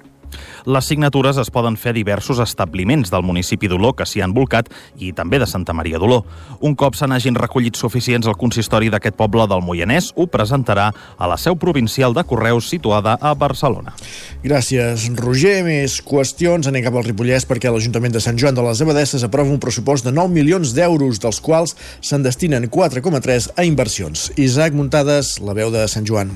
Amb els vots a favor de l'equip de govern de Moviment d'Esquerres i l'abstenció d'Esquerra Republicana de Catalunya, l'Ajuntament de Sant Joan de les Abadeses va aprovar un pressupost municipal pel 2024 de poc més de 9 milions d'euros, dels quals n'hi ha 233.000 que es destinen a la llar d'infants al Molí Petit. L'alcalde de Més, Ramon Roquer, va qualificar els comptes de continuistes, responsables i equilibrats a més de dir que complien totes les ràtios econòmiques i que eren molt ambiciosos en el capítol d'inversions reals amb una despesa de 4,3 milions d'euros. Entre les actuacions més destacades hi ha les obres d'adequació exteriors a Sant Antoni, per més d'un milió d'euros, el canvi del col·lector d'abastament en alta de la canonada principal del municipi, que sobrepassa els 576.000 euros i de la qual ja tenen 300.000 euros de subvenció de l'ACA, la rehabilitació de la caserna de la Guàrdia Civil per 787.000 euros, l'ampliació del pont de la Plana amb un import de 879.000 euros, la pacificació del trànsit al voltant del passeig Comte Guifré i la plaça Torres i Bages per 620.000 euros, el camí del Grau a Pont de Parella o la col·locació de plaques solars en alguns equipaments municipals, sense oblidar l'actuació a la Via Verda entre Sant Joan i la Vall de Bianya o el camí posterior al camp de futbol. Precisament Esquerra va justificar la seva abstenció pel fet de compartir les inversions, però sí que va demanar que es contempli la possibilitat de posar una plaça més d'educadora a la llar d'infants i arribar a les 5 treballadores i no quedar-se amb la mitja jornada actual. L'alcalde va explicar-li el motiu. El reforç que es preveu a la llar d'infants, aquesta mitja jornada, de fet, no és per eh, obrir un grup més, sinó és bàsicament eh, per un reforç ja als nens que actualment ha, que actualment hi han tres grups, eh, no n'hi ha quatre, n'hi ha tres, i per tant aquest reforç seria eh, per reforçar aquests tres grups. En tot cas, si tenim prous nens per obrir un grup nou, llavors tindrem quatre grups i després sí que eh, hi haurà la previsió d'una educadora més. El porteu republicà, Sergi Albric, va dir que no hi podien votar a favor pels increments impositius que porta aparellats aquest pressupost. Compartim aquest 2,6% de l'increment doncs, de, de determinats impostos, no? per tant l'IBI, l'IAE, l'ICIO, vostè ja els ha, els ha detallat, per tant creiem no? que aquest 2,6 del 24 se suma al 8,5 que es va sumar al 23, el, el 3 que es va sumar al 22, és uns pressupostos que any any doncs, cada cop tenen més càrrega impositiva. I evidentment tampoc podem donar suport a uns pressupostos doncs, que contemplen aquest increment del 50% de la taxa d'escombraries. Certament, tal com va explicar Roquer, els pressupostos contemplen augments en alguns impostos i taxes importants, com els 166.000 euros més de la taxa de recollida de deixalles, l'increment de l'ICIO en 100.000 euros, de l'IBI urbana en 85.000 euros i de l'ICIO en 100.000 euros més. Gràcies, Isaac. 5 minuts que passen de les 10 del matí. Nota luctuosa ara al territori 17. Ha mort Joan Rubiral Teixoriol, exregidor d'Esquerra a l'Ajuntament de Santa Maria de Palau Tordera, mentre era de viatge a Alacant. Enric Rubio, Ràdio Televisió Cardedeu. Així és, Isaac. La tràgica notícia ha commocionat la secció local d'Esquerra de Santa Maria de Palau Tordera. Joan Rubiralta era membre de l'executiva local des de feia anys i també exregidor del poble durant el mandat 1999-2003, on va ocupar les regidories de comunicació, ensenyament i promoció de la dona. A més, durant una temporada també va estar vinculat a la secció local d'Esquerra Sant Celoni. Professionalment s'havia dedicat a l'ensenyament de llengua i literatura catalanes i des de fa uns anys ja era jubilat. Sabut per tothom, era un gran amant de la poesia, on cada any era un habitual del recital de poesia de Santa Maria Tordera i, també de manera sovint, ho feia amb aportacions punyents. Aquesta faceta feia que també fos membre del grup d'escriptors del Montseny, GEM. Gràcies, Enric. Més qüestions. Anem ara cap a Osona perquè l'aportació de la Generalitat a la Universitat de Vic creixerà fins prop del 25% del pressupost total. Ho estableix el nou conveni programa negociat els últims 5 anys. Clàudia Dinarès, al 9FM.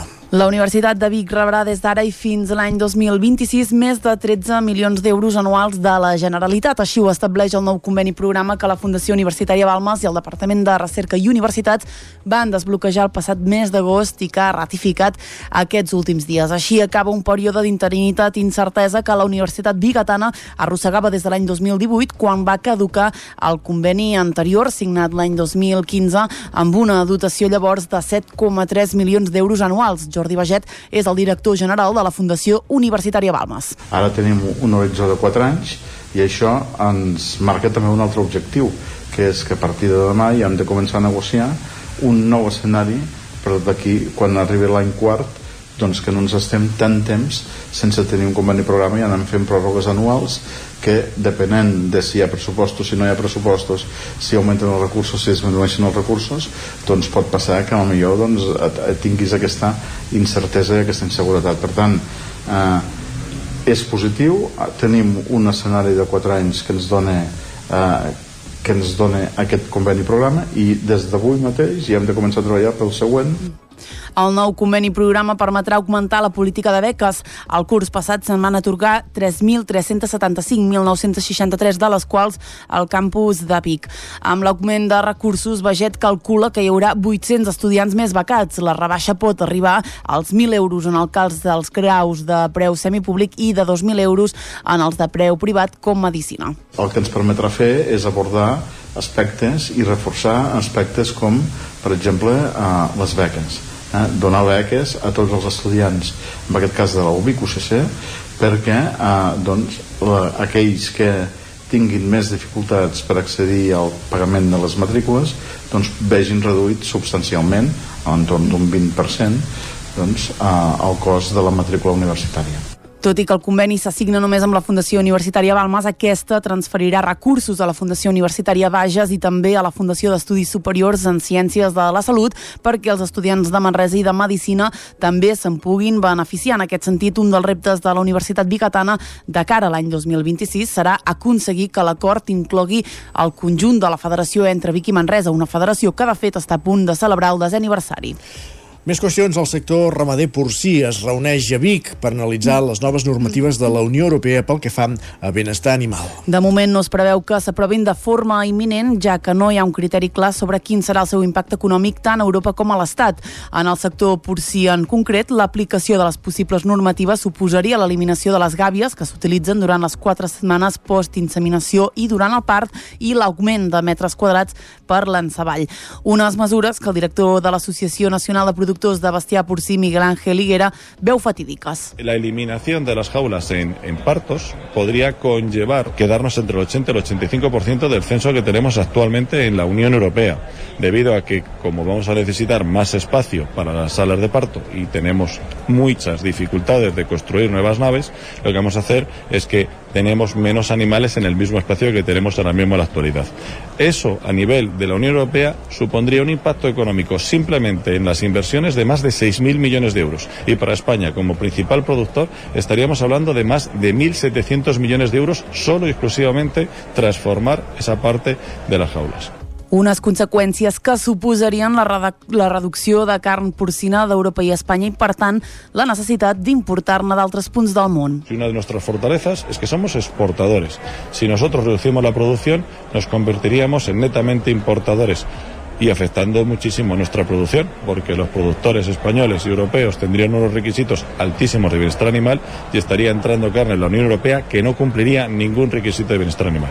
Unes normatives que arriben perquè la societat les demana. De fet, les últimes informacions de l'Eurobaròmetre, una enquesta feta per la Comissió Europea, mostra que la gran majoria d'europeus, concretament el 84%, creu que el benestar dels animals de granja s'han de protegir millor en el seu país del que es protegeix actualment. I un últim apunt cultural perquè el col·lectiu de, Sem de sempre proposa fer un calendari d'advent especial. Són un grup de músics en bona part de la comarca d'Osona que s'han unit per fer un disc col·lectiu de Nadales. Des del mateix estudi on s'ha fet gran part de la gravació, el músic torellonenc Jordi Company penjava divendres a YouTube la primera de les 11 peces que formen el disc Nadales 2023 del col·lectiu Desembre. És el noi de la mare, cantada pel mateix company i l'ex-integrant de Charango, Sergi Carbonell, amb Edu Vergés a les guitarres, Miquel Casanova al baix, Clàudia Jiménez als cors i Carla Mallarac a la flauta travessera. El disc es podrà trobar sencer a les plataformes digitals a partir del dia 6 de desembre, però aquesta producció conjunta impulsada per Jordi Company i Edu Vergés també té un altre format de presentació. Proposen una mena de calendari d'advent que es podrà anar seguint cada dia fins al 24 de desembre a les xarxes del col·lectiu Desembre. Jordi Company. Nosaltres, la veritat és que teníem ganes de gravar-lo i treure'l i ja està, però com que hi va anar col·laborant cada cop més gent i més gent, va ser com un va, doncs intentem que quan el traguem sigui algo guai vam dir, doncs va, farem un calendari d'advent que cada dia doncs, no sortirà una cançó perquè no n'hi ha 24, però sí que doncs, escaladament cada dos dies una cançó i entremig doncs, algun sorteig, alguna cosa. La idea de fer el disc va sortir de trobades nadalenques més espontànies que hi havia hagut aquests últims anys entre diferents músics de la comarca, Edu Vergés. Ja portàvem com dos Nadals que arribava a les festes i quedàvem jo i ell i alguns quants amics i gravàvem vídeos de Nadales. Mira, un dia ens ajuntàvem una nit i, bueno, mig improvisat. I aquest any vam dir, hòstia, això va, gravem-les rotllo en sèrio, un disc ben parit mm. i ha sortit bàsicament d'aquí d'aquestes ganes de agafar el que havíem fet una mica espontàniament i fer-ho com una cosa ben feta entre les Nadales que s'han versionat al disc hi ha Santa Nit, Los Peces en el Río, El Petit Baileto, Desembre Congelat. Sergi Carbonell, Arnau Tordera i Dan Peralbo són les cares més conegudes que participen a la producció en la que hi han col·laborat en total 35 músics. Gràcies, Clàudia. Acabem aquí aquest repàs informatiu que començàvem al punt de les 10 en companyia de Clàudia Dinarès, Isaac Muntades, Enric Rubi i Roger Rams. És moment al territori 17 de tornar a una codinenca i saludar en Pep Acosta.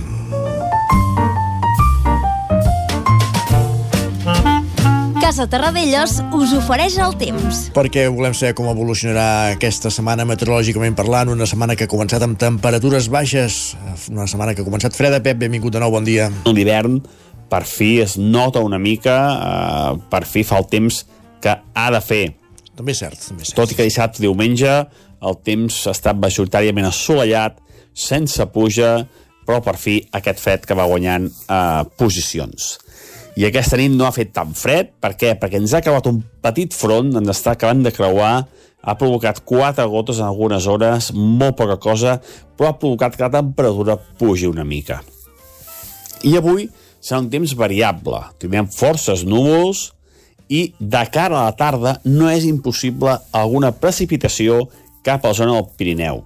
Si plou serà puja escassa, ni molt menys, per desgràcia, com divendres. També una puja poder cap a Guilleries, Montseny, poca, poca cosa en general. Les temperatures màximes, moltes alta vegada, entre els 10 i els 15 graus. Continua aquest ambient bastant fresc. Alguna ventada important també cap a les zones de muntanya, de més de 50-60 km per hora, i poca cosa més a destacar. Dia bastant tranquil, només algun ruixat cap a la zona del Pirineu, un dia fresc, un dia d'hivern en definitiva, però que llàstima, llàstima que no acaba de ploure a totes les nostres comarques. No hi ha manera. Res més, a disfrutar d'aquesta primera setmana plena del mes de desembre, a disfrutar d'aquest ambient d'hivern i llàstima que no arriba la puja llàstima. amb ganes i generosa. Moltes gràcies, adeu, bon dia. Gràcies, Pep. Parlem demà, bon dia. Casa Tarradellas us ha ofert aquest espai. Territori 17. Envia'ns les teves notes de veu per WhatsApp al 646 079 023. 646 079 023. WhatsApp Territori 17.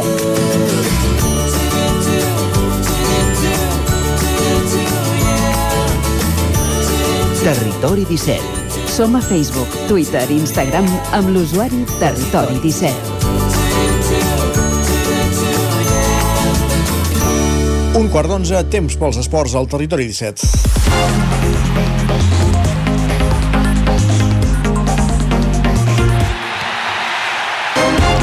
Ja sabeu, a aquesta hora, cada dilluns el que fem és repassar, disculpeu, el que ha estat esportivament parlant el cap de setmana a les nostres comarques, un repàs que fem en roda per les diferents emissores del territori 17, comencem els estudis de ràdio, televisió, Cardedeu, Enric Rubio, com ha anat el cap de setmana esportivament parlant a l'entorn de Cardedeu. Un miratge, era tot un miratge l'última jornada, Isaac. Saps allò Ah, de que no diguis carai, blat? carai. Doncs pim-pam, anem Ja, a veure, comencem. I ho fem amb el futbol, on el primer equip del Cardedeu ha guanyat, ell sí, el Banyoles, al camp dels del Pla de l'Estany, per 0 a 1. No obstant, el partit de l'equip filial no ha tingut el mateix desenllaç i tot i lluitar i molt, ja que han marcat 3 gols, no han pogut superar el Can Novelles i tot ho juga a Cardedeu, el resultat final ha estat de 3 a 4. El Granollers, per la seva banda, ha perdut per 1 a 2 contra el Figueres. Si mirem el bàsquet, els granollerins tampoc han tingut gaire més bon paper i és que han perdut a casa del Castelldefels per 72 a 60. I ja per acabar, una de freda i una de calenta, i és que en l'handbol, el Freiking Granollers no ha aconseguit superar el Logroño La Rioja amb un resultat final de 34 a 31. Però en canvi, i com sempre, i no em vull fer pesat, però és que mare de Déu nostre senyor, les de l'handbol Cardeu, i han tornat. Han guanyat a les Plugues 18 a 19. Així que per molts grisos que et porti, sempre ens quedaran elles. Apa, salut i esport! Sempre quedaran elles. Gràcies, Enric. Fins ara. Continuem aquest recorregut dels estudis d'Ona Codinenca, Roger Rams. Què tal? Bon dia, Isaac. Uh, Man- has de mantenir aquest to, eh? Exacte, anava a dir, disculpa'm, eh? dilluns al matí, no sé si Cardedeu uh, estan ja de festa. En qualsevol cas, va, es, lleva, fem- es lleven molt d'hora, donem fe. Sí, sí, sí, sí. Va, fem repàs a, aquí a Sant Feliu de Codines i les nostres contrades a com ha anat aquest cap de setmana esportiu. Comencem, com sempre, pel futbol. A la primera catalana, el Caldes ha sumat una nova victòria per 1-2 al camp del Mataró. Amb aquesta victòria, els calderins guanyen una posició a la taula i ara mateix són tercers. Més futbol a la segona catalana, al grup 4, si parlàvem del moment dolç que viu el Caldes, doncs el Sant Feliu de Codines és l'altra cara de la moneda i és que l'equip codinenc ha sumat una nova derrota, una tercera golejada de consecutiva d'aquelles que fan mal. En aquest cas ha estat per 1-7 davant el Torelló. Els codinencs es consoliden com el pitjor equip de la seva categoria i grup, ja que només han guanyat dos dels 13 partits que han disputat fins ara a la Lliga. L'equip, després de la derrota i de sis jornades seguides sense guanyar, se situa últim en solitari amb 8 punts. El Torelló, en canvi, és líder amb 27. I per tancar el capítol futbolístic, a la tercera catalana, el Mollà va guanyar per 3 a 1 a domicili davant la Gleba. Els moianesos són ara mateix desens a la taula amb 16 punts i, de moment, estan sent capaços de capgirar el mal inici de temporada. Parlem ara d'hoquei i patins, perquè l'hoquei Lliga masculina el Caldes va perdre i diumenge per 0 a 6 a casa davant el Barça. Els calderins van tenir poques opcions de cara a porteria i, en canvi, el conjunt blaugrana va dominar des del primer moment perfectament el partit. Amb aquest resultat, els ballesans són onzens amb 10 punts i recordem que aquesta setmana hi ha jornada intersetmanal, serà dimecres al migdia, quan el Caldes visitarà la pista del Reus. A l'Hockey Lliga Plata Nord, el Sant Feliu també va guanyar el seu partit, ho va fer per una 4 a la pista del Lourdes Gallec. Després d'aquesta valuosa victòria, el Sant Feliu es col·loca cinquè amb 12 punts i dissabte que ve rebran la visita del Dominicos a casa. I pel que fa al primer equip femení d'Alcaldes, a la dotzena jornada de la Lliga Nacional Catalana va perdre per 2 a 1 a la pista del Manlleu, mentre que les noies del Vigas van guanyar per 2 a 4 a la pista de l'Alpicat. Gràcies, Roger. Més qüestions. Anem cap al Ripollès. Isaac Montades, benvingut de nou. Hola, bon dia de nou, Isaac. Explica'ns des del veu de Sant Joan com ha anat esportivament parlant el cap de setmana. Doncs hem tingut una mica de tot i si us sembla comencem parlant de, de futbol, el grup 3 de la tercera catalana perquè us hem d'explicar la primera derrota de la Badesenc aquesta temporada que va ser al camp de les preses després de perdre 3 a 2 i de manera cruel perquè va ser l'últim minut en un partit on a més a més eh, va perdonar de cara, de cara a porteria i, i que va arribar guanyant en els últims 10 minuts. Uh, de fet uh, en aquest cas sí que les preses va avançar amb un gol de, de Rull en un 1 contra 1 Rodríguez va empatar en rematar una centrada a l'àrea petita. Abde va avançar al Sant Joanins a la segona part amb un xut de, des de la frontal i semblava que, que podria guanyar el partit la Badesenc, però en els últims 10 minuts Suaré va fer un doblet en dos contraatacs i va sentenci sentenciar el partit.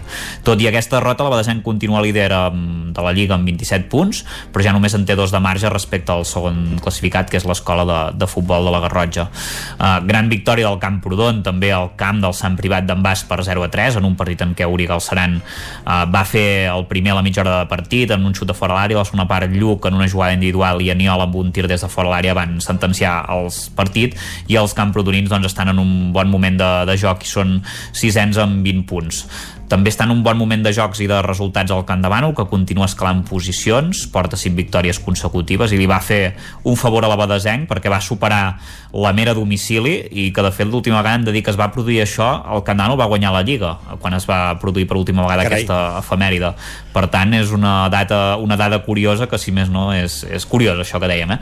ara són setens el, el, els candanolencs amb 20 punts eh, en un gran partit que van començar perdent amb un gol d'Albert Sánchez una rematada dins l'àrea però que Adriel de penal i Maideu en els últims 10 minuts en un 1 contra 1 doncs van, van aconseguir la remuntada a la Nacional Catalana d'Hockey Patins l'Hockey Club Ripoll va perdre per 3 a 1 a la pista del Voltregà Masies en un partit sense masses ocasions a la mitja part es va arribar amb 1 a 0 després el Voltregà es va posar 3 a 0 i Ferrés, eh, Jaume Ferrés va fer l'únic gol visitant a 8 minuts del final en un partit que deixa els ripollesos vuitens amb 19 punts i a la zona tranquil·la de classificació.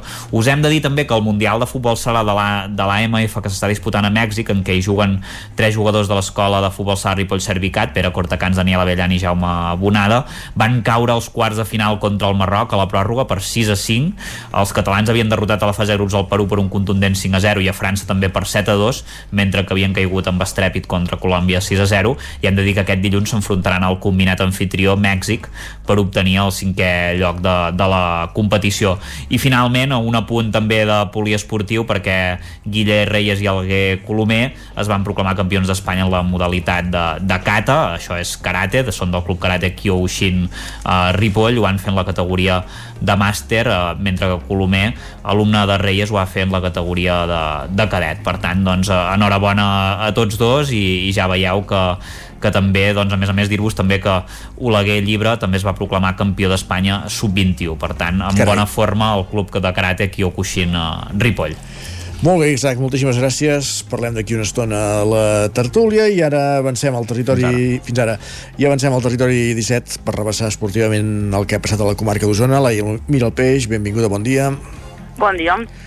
Com, doncs, um, comencem parlant de... cap de setmana no, no gaire bo, eh? No gaire bo, eh, em sembla.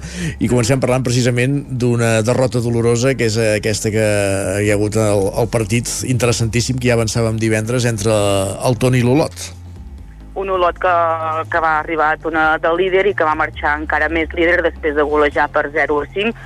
A la primera part ja va fer la feina, va fer tres gols, un d'Ofano, l'altre de Marc Mas i de, el tercer de Forest, i a la segona part podríem dir que, que va sugar, eh? dos gols més per reunir una golejada en un partit en el Tona.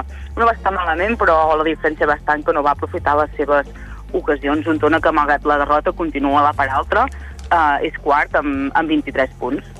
En canvi, qui sí que va recuperar-se amb la victòria, ah, no, eh, abans del Malló hem de parlar del Vic, la Lliga Elite, perdó, eh, partit trebat de... Del Vic Riu primer. Del Vic Riu primer, i en canvi el, el Vic masculí eh, sí que va guanyar, eh? Sí, sí, el, les noies del, del Vic Riu primer Refo van aconseguir un empat eh, sense gols contra el Saragossa, un empat que, que no deixa de ser positiu, però veníem d'una dinàmica de sis victòries consecutives i per tant doncs, és un, una mica de- d'ensopegada d'ensopegada dos punts que es deixen a casa, però també ressaltar doncs, que una setmana més i ja en van sis, Anna Macià va mantenir la porteria a zero. I com deies, el Vic que va guanyar 0 a 3 al, al Sant Boià, un Vic doncs, que comença a escalar posicions, ja és cinquè, i un Vic que va fer la feina amb, un gol, amb gols de- d'Armengol, el segon de, de Riera ja a la segona part, amb un gol de, des de pràcticament al mig del camp de Vaselina, i Max Morell que tancava una golejada en un, en un partit plàstic pel conjunt de Ramon Carrascal. Molt bé. I ara sí, el, el Manlleu que, que treu l'orgull i torna a guanyar. S'ha acabat el novembre negre, eh?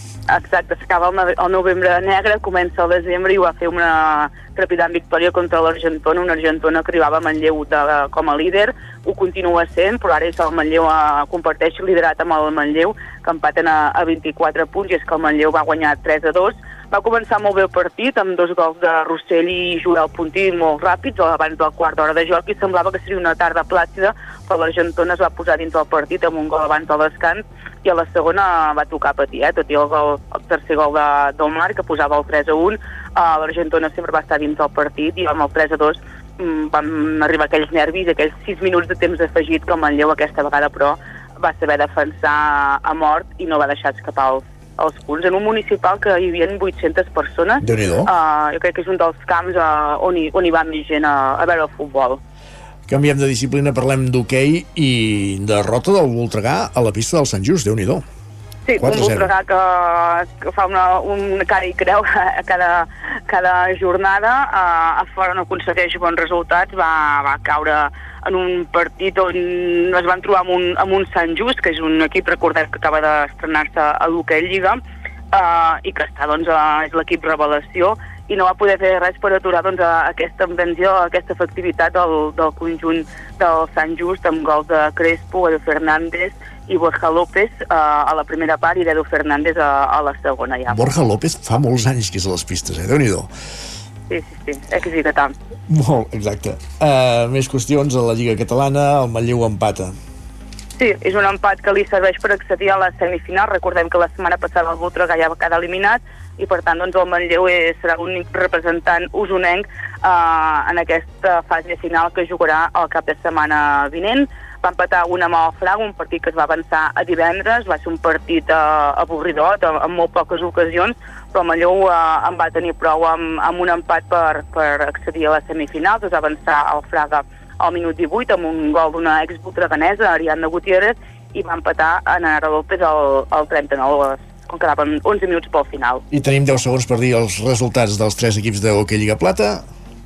Doncs el Manlleu i el Vic que van... El Manlleu que va perdre, eh, 1-3 amb el Vendrell, el Vic que va frenar el líder empatant a 1 amb el Vilafranca, i el Tarder que va guanyar el Lloret 3 a 5 amb un cop d'autoritat i que un Tarder que ja es posa segon a la Hockey Plata Sud. Gràcies, Laia, i també tampoc aixeca el cap al Club Bàsquet Vic. En parlem un altre dia. Fins la propera. Bon dia. Fins la propera. Bon dia. Pausa i tornem. El nou FM, la ràdio de casa, al 92.8. Vine al Garden Tortadès de Vic i descobreix l'exposició de Nadal més màgica de la comarca.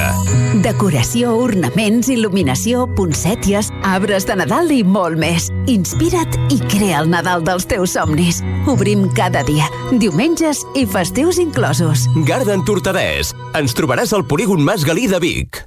M'encanta regalar llibres de la llibreria Mater. Tenen novel·les que et fan viatjar a mons desconeguts, poesia que et fa sentir cada paraula, assaig que et fan reflexionar i contes infantils que fan volar la imaginació dels més petits.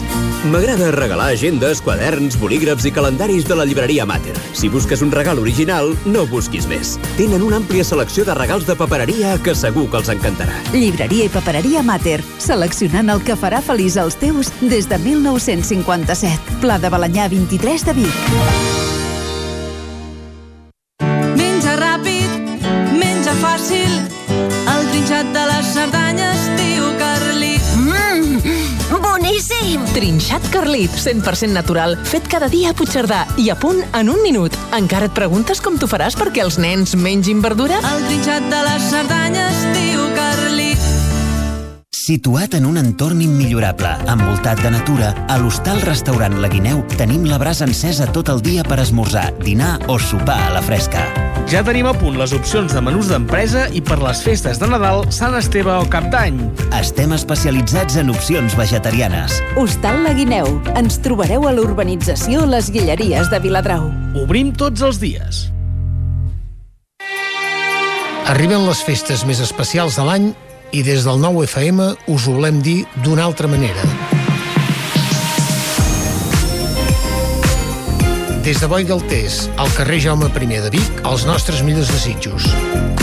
De part del sabater de Manlleu, que estem a dalt vila, molt bones festes.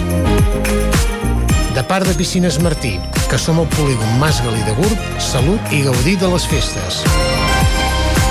Des de Set Parc, que estem a la carretera de Roda de Vic, els millors desitjos per al 2024.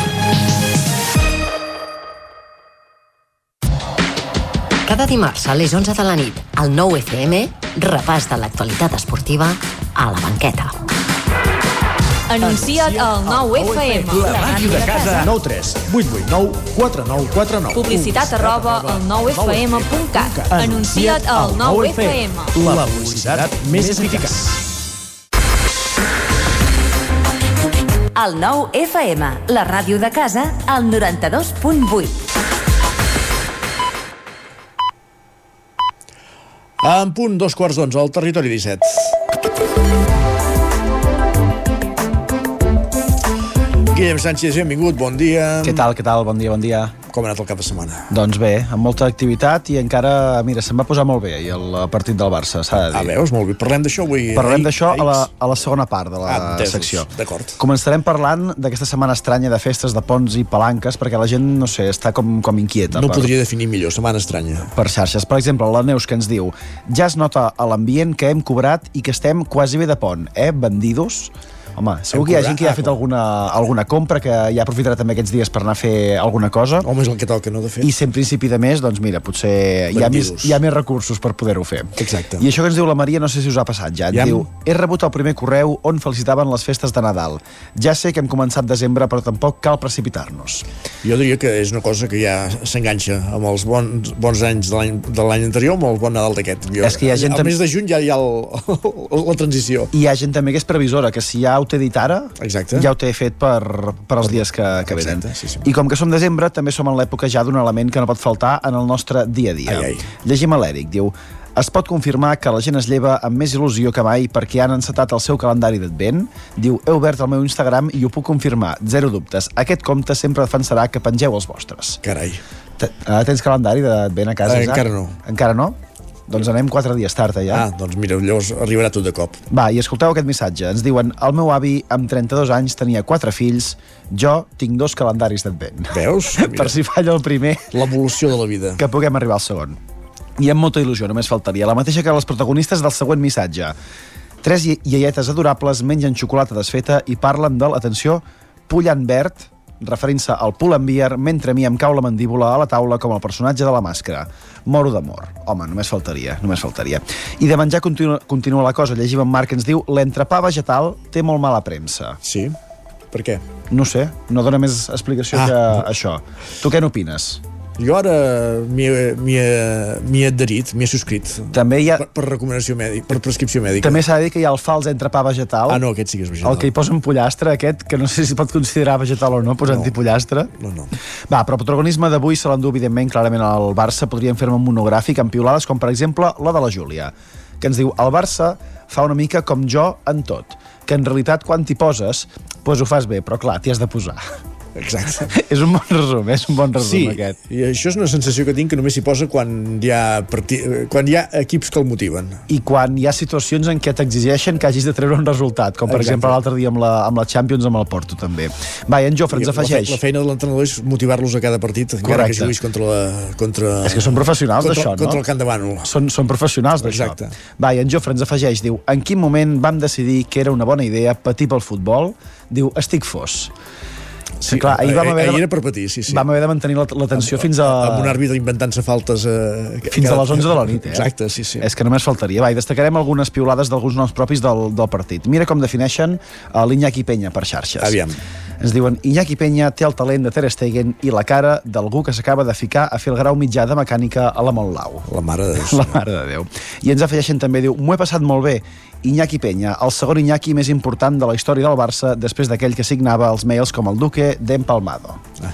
Hi ha gent que encara en té un record per ell. I sobre el portuguès que va marcar el gol, també ens escriuen Ara només hem de vigilar que Joao Fèlix no s'apropi mai a la riba del Manzanares. Passa que el, el canvi ja no el tenen al Manzanares, ara. No hi ha. Però vaja. perdre un partit també per un jugador que tens cedit a uh, un dels equips rival, això fa una Sí, sí. mica de cosa, I no? que ho celebri com ho va celebrar. També. Va, i alguns aficionats, però al descans ja en tenien prou amb el partit que havíem vist. Per exemple, en Jaume, que ens diu ningú ha exigit mai jugar com el millor Barça de la història. Amb aquesta primera part ens donem per satisfets. Home, s'ha de dir que la segona va estar bé, també. Home, el, que alguna pilota més hagués entrat hagués estat bé. eh? També Mira hagués estat que bé. mantenien. Va, i per acabar, acabarem amb una opinió de la Marta, fora del futbol, que no sé si es pot considerar poc popular. Ja. Diu, surt el disc de la Marató. Dos punts. Un gran dia pels boomers i pels monitors de gimnàs que fan activitats dirigides que podran actualitzar el seu repertori per les classes. Mare de Déu. Opinió, uh, Isaac? Uh, me la reservo. Te la reserves? Sí. Doncs va, que vagi molt bé. Guillem. Fins demà. Ens escoltem demà.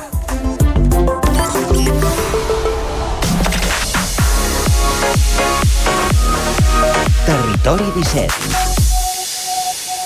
I ara sí, després de repassar pilades que parlen del Barça, en parlem també a la tertúlia esportiva. Passen 5 minuts a dos quarts d'onze del matí.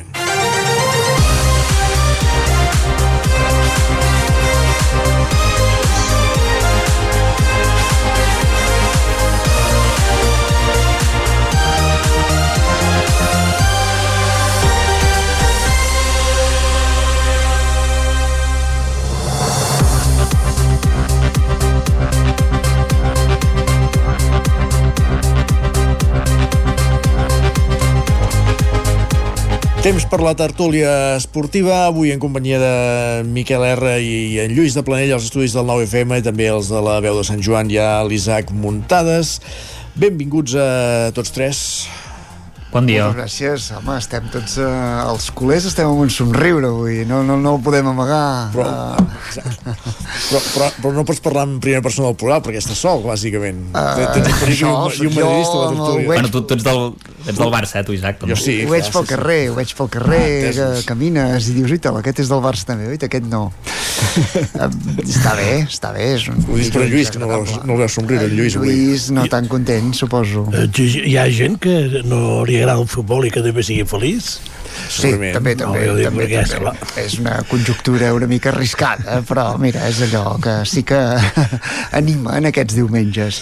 Ens falten alegries, ja ho veieu, ens conformem, no, no, no, jo penso que no es pot llançar campanes al vol i som d'aquells que ara sí que ara tenim equip i no és veritat, eh, és un equip en construcció, tornem a passar els i baixos, eh, tocarà patir, com ahir va tocar patir aquells últims 10 minuts, que es va patir molt perquè costa, ens costa molt fer gols, perquè eh, no, no tenim el Lewandowski fi des de fa No, no, dies. no, sé no si té el clau on és la porteria, aquest home. no sé si el recuperarem, però no- ens està costant. Aviam si ara amb l'arribada d'en Vitor Roque... Eh, a veure, no, no estem fins, però és d'agrair partits així perquè la veritat la primera part va ser molt bona, molt fina, molt, la, la, jo penso que és una mica el que, el que s'assembla al, al Barça que, que, que somia una mica en Xavi, no? Potser també és veritat que, que també s'assemblava molt a, a un equip titular tipus, eh, Ell, ell defuig una mica d'això de marcar un equip titular, sembla que això s'acosta bastant, jo diria, a l'equip a l'equip que, que hauria de jugar els partits importants i, i penso que sí, que, que, que, que s'ha trobat un, un engranatge, un mig del camp potent, falta això, ens falta gol a davant perquè en Rafinha molta intensitat, molta voluntat, però pals tants com vulguis, però li costa fer gols i, en, i ens falta això i el Joao Fèlix bueno, va fer un gol però sabem quants, quants en porta a la Lliga i que tampoc li és fàcil eh, per tant, és, ja dic que és un camí eh, vull dir, no, no, no, no es tracta de llançar campanes al vol, veurem diumenge que ve el gran Girona què farà camp del Barça pot ser també divertit veure un, un equip així estant amb, amb, amb l'estat de forma que està el Girona si és... Ho, re, si, ho remunta tot el Girona. eh? que ho remunta tot, a veure, veurem si tornem a tocar de peus a terra o el Barça pot, pot una mica marcar, marcar territori. Jo fa, des d'ahir, que intento recordar el nom d'un portuguès que va venir aquí en plan figura i que va durar dos dies. Simão Sabrosa? No. N'hi ha hagut... Quaresma, Ricardo Quaresma. Sí, n'hi ha hagut bastants. No, no, no, un altre, un altre, més recent. Sí, un, el, el que jugava al mig del camp. Uh, jo ara no, no, no surt el nom, que un va acabar. un davanter. El Quaresma, per exemple. No, No, no, era, era, era molt més cap aquí. A veure, jo, jo et soc franc, però... No ho dic perquè és que eh, jo soc pessimista, jo sóc pessimista amb aquests jocs, eh? Vull dir que està molt bé, però jo em plantejaria molt seriosament, quan arribi el mes de juny, tornar a un llacet... i No, no, jo cop. penso en el Víctor Roque. Jo penso que els, perquè els hi costa continuïtat. El Víctor Roque, no, aquest és brasileny. Sí, bueno, ja, ja, però vull dir que... De moment, amb els números, arriba, arriba, ai, ai, ai, ara l'Isaac em renyarà, però arriba amb millors números dels que va marxar del Brasil, tant el Rodrigo com el Vinícius. Ep, eh, l'expectativa seria alta, eh? perquè aquests dos eh, jugadors s'han consolidat, però amb expectatives hi arriba, ja ho veurem, vull dir que alguna, alguna l'hem d'encertar, i- també. I ara que en Miquel ha dit això d'en Rodrigo i en Vinícius, m'agradaria donar una dada, perquè jo n'estava convençut ahir que el, no, sí, perquè m'ha fet molta gràcia i, i, i, em dona, i em dona peu realment. Jo estava convençut que ahir l'Atleti de Madrid perdria el partit, bàsicament perquè em sembla que de 16 o 17 partits que ha jugat el Cholo Simeone al Camp Nou en Lliga, no sé, ara no recordo quan, o 13, no sé quan són, no ha guanyat, no n'ha guanyat cap. 17, 10, Però- 10, 10, 10 eh, derrotes i 7 empats. Però és que hi ha una dada que és esperpèntica, que és, atenció, eh, l'última vegada que l'Atlètic de Madrid va guanyar el camp del Barça, el Madrid tenia 9 Champions, ara en té 14. Vinícius tenia 5 anys, Rodrigo 4, i Hendrik, que jo crec que és bastant millor que Víctor Roque quan, que, com estem puguem veure en, en aquests partits de clausura del Brasil a Irao, no havia ni nascut. O sigui, clar, eh, un equip que porta tants anys sense guanyar en, en el Barça eh, i que sempre que arriba aquest partit doncs podríem dir que, que surt acobardit eh, bueno, doncs passa el que passa no? ja et podies imaginar que perdria jo el millor resultat ahir hagués estat un empat evidentment per als interessos de, del Madrid però sí que és veritat que l'Atleti de Madrid el veia com una mica més, més fort i, i sabem que el Barça també en aquests partits una mica més grans està jugant millor potser que en els partits contra equips més petits. La setmana que ve també ho veurem. Jo crec que serà el punt d'inflexió del Barça amb el, amb el Girona que jo, que jo penso que guanyarà el Barça eh, també. Però, però bueno eh, donem el, el benefici del dubte per al, per al Girona Bé, és que si guanyés el, Girona, llavors sí que podríem començar a, pensar seriosament per part del Girona amb la Champions. Perquè, no, Sí, sí. jo ho dic pel que, el quart, no, no, no, no De, després et donaré una altra dada, eh, Lluís? Pensar amb els quatre, amb els quatre de dalt. els quarts, sí. els una altra classificats, dada el quart quedarà eh, eh, força lluny del cinquè, vull dir que... Eh, Mm-hmm.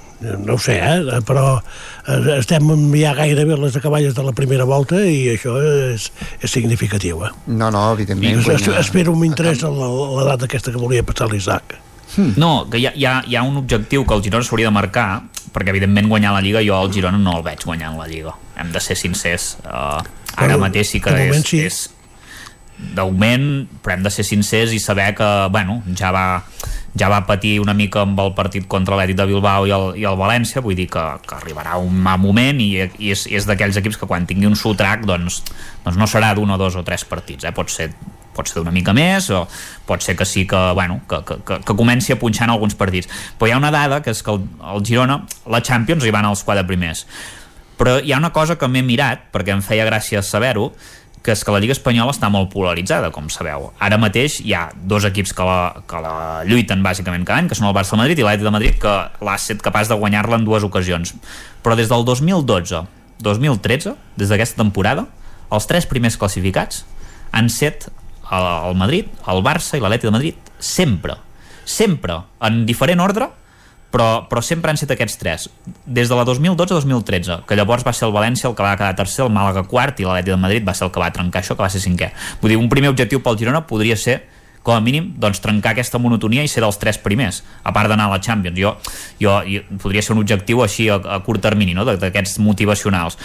Per això, us, per això, però posant aquesta dada també entenc que és molt difícil que el Girona pugui colar-se entre els primers de la Lliga per això mateix que us dic, perquè clar, si em portem més de 10 anys que els tres primers sempre no són els mateixos. És veritat. Sí, però com a però- és això que diuen que l'estadística també és per trencar-la és complicat, és complicat aguantar una lliga. Mm. té un avantatge, a, a part de que l'equip està molt ben molt ben trebat i penso que l'entrenador hi toca molt i és que no, no té el desgast de moment entre setmana de la Champions que a vegades això també implica ja ho sabem, lesions, implica eh, no ho sé, s'ha de veure s'ha de veure, això fins a que no siguem a l'últim terç de la Lliga no, i, eh, a veure No en quin sabrà. estat hi arriba S'ha de veure també, Perquè- però, o sigui, no té el desgast, però té menys plantilla que el Madrid i el Barça.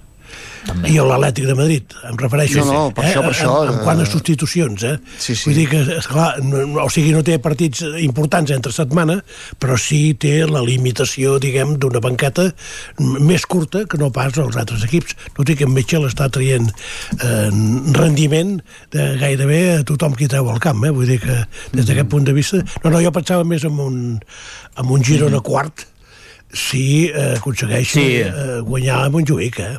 U- u- Una, una última dada, que avui estic molt de dades, per, perquè, per, uh, uh, per això que heu comentat de, de la Champions, molt ràpidament.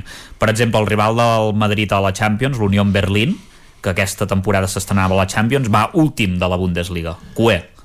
Vull dir que també quan jugui la...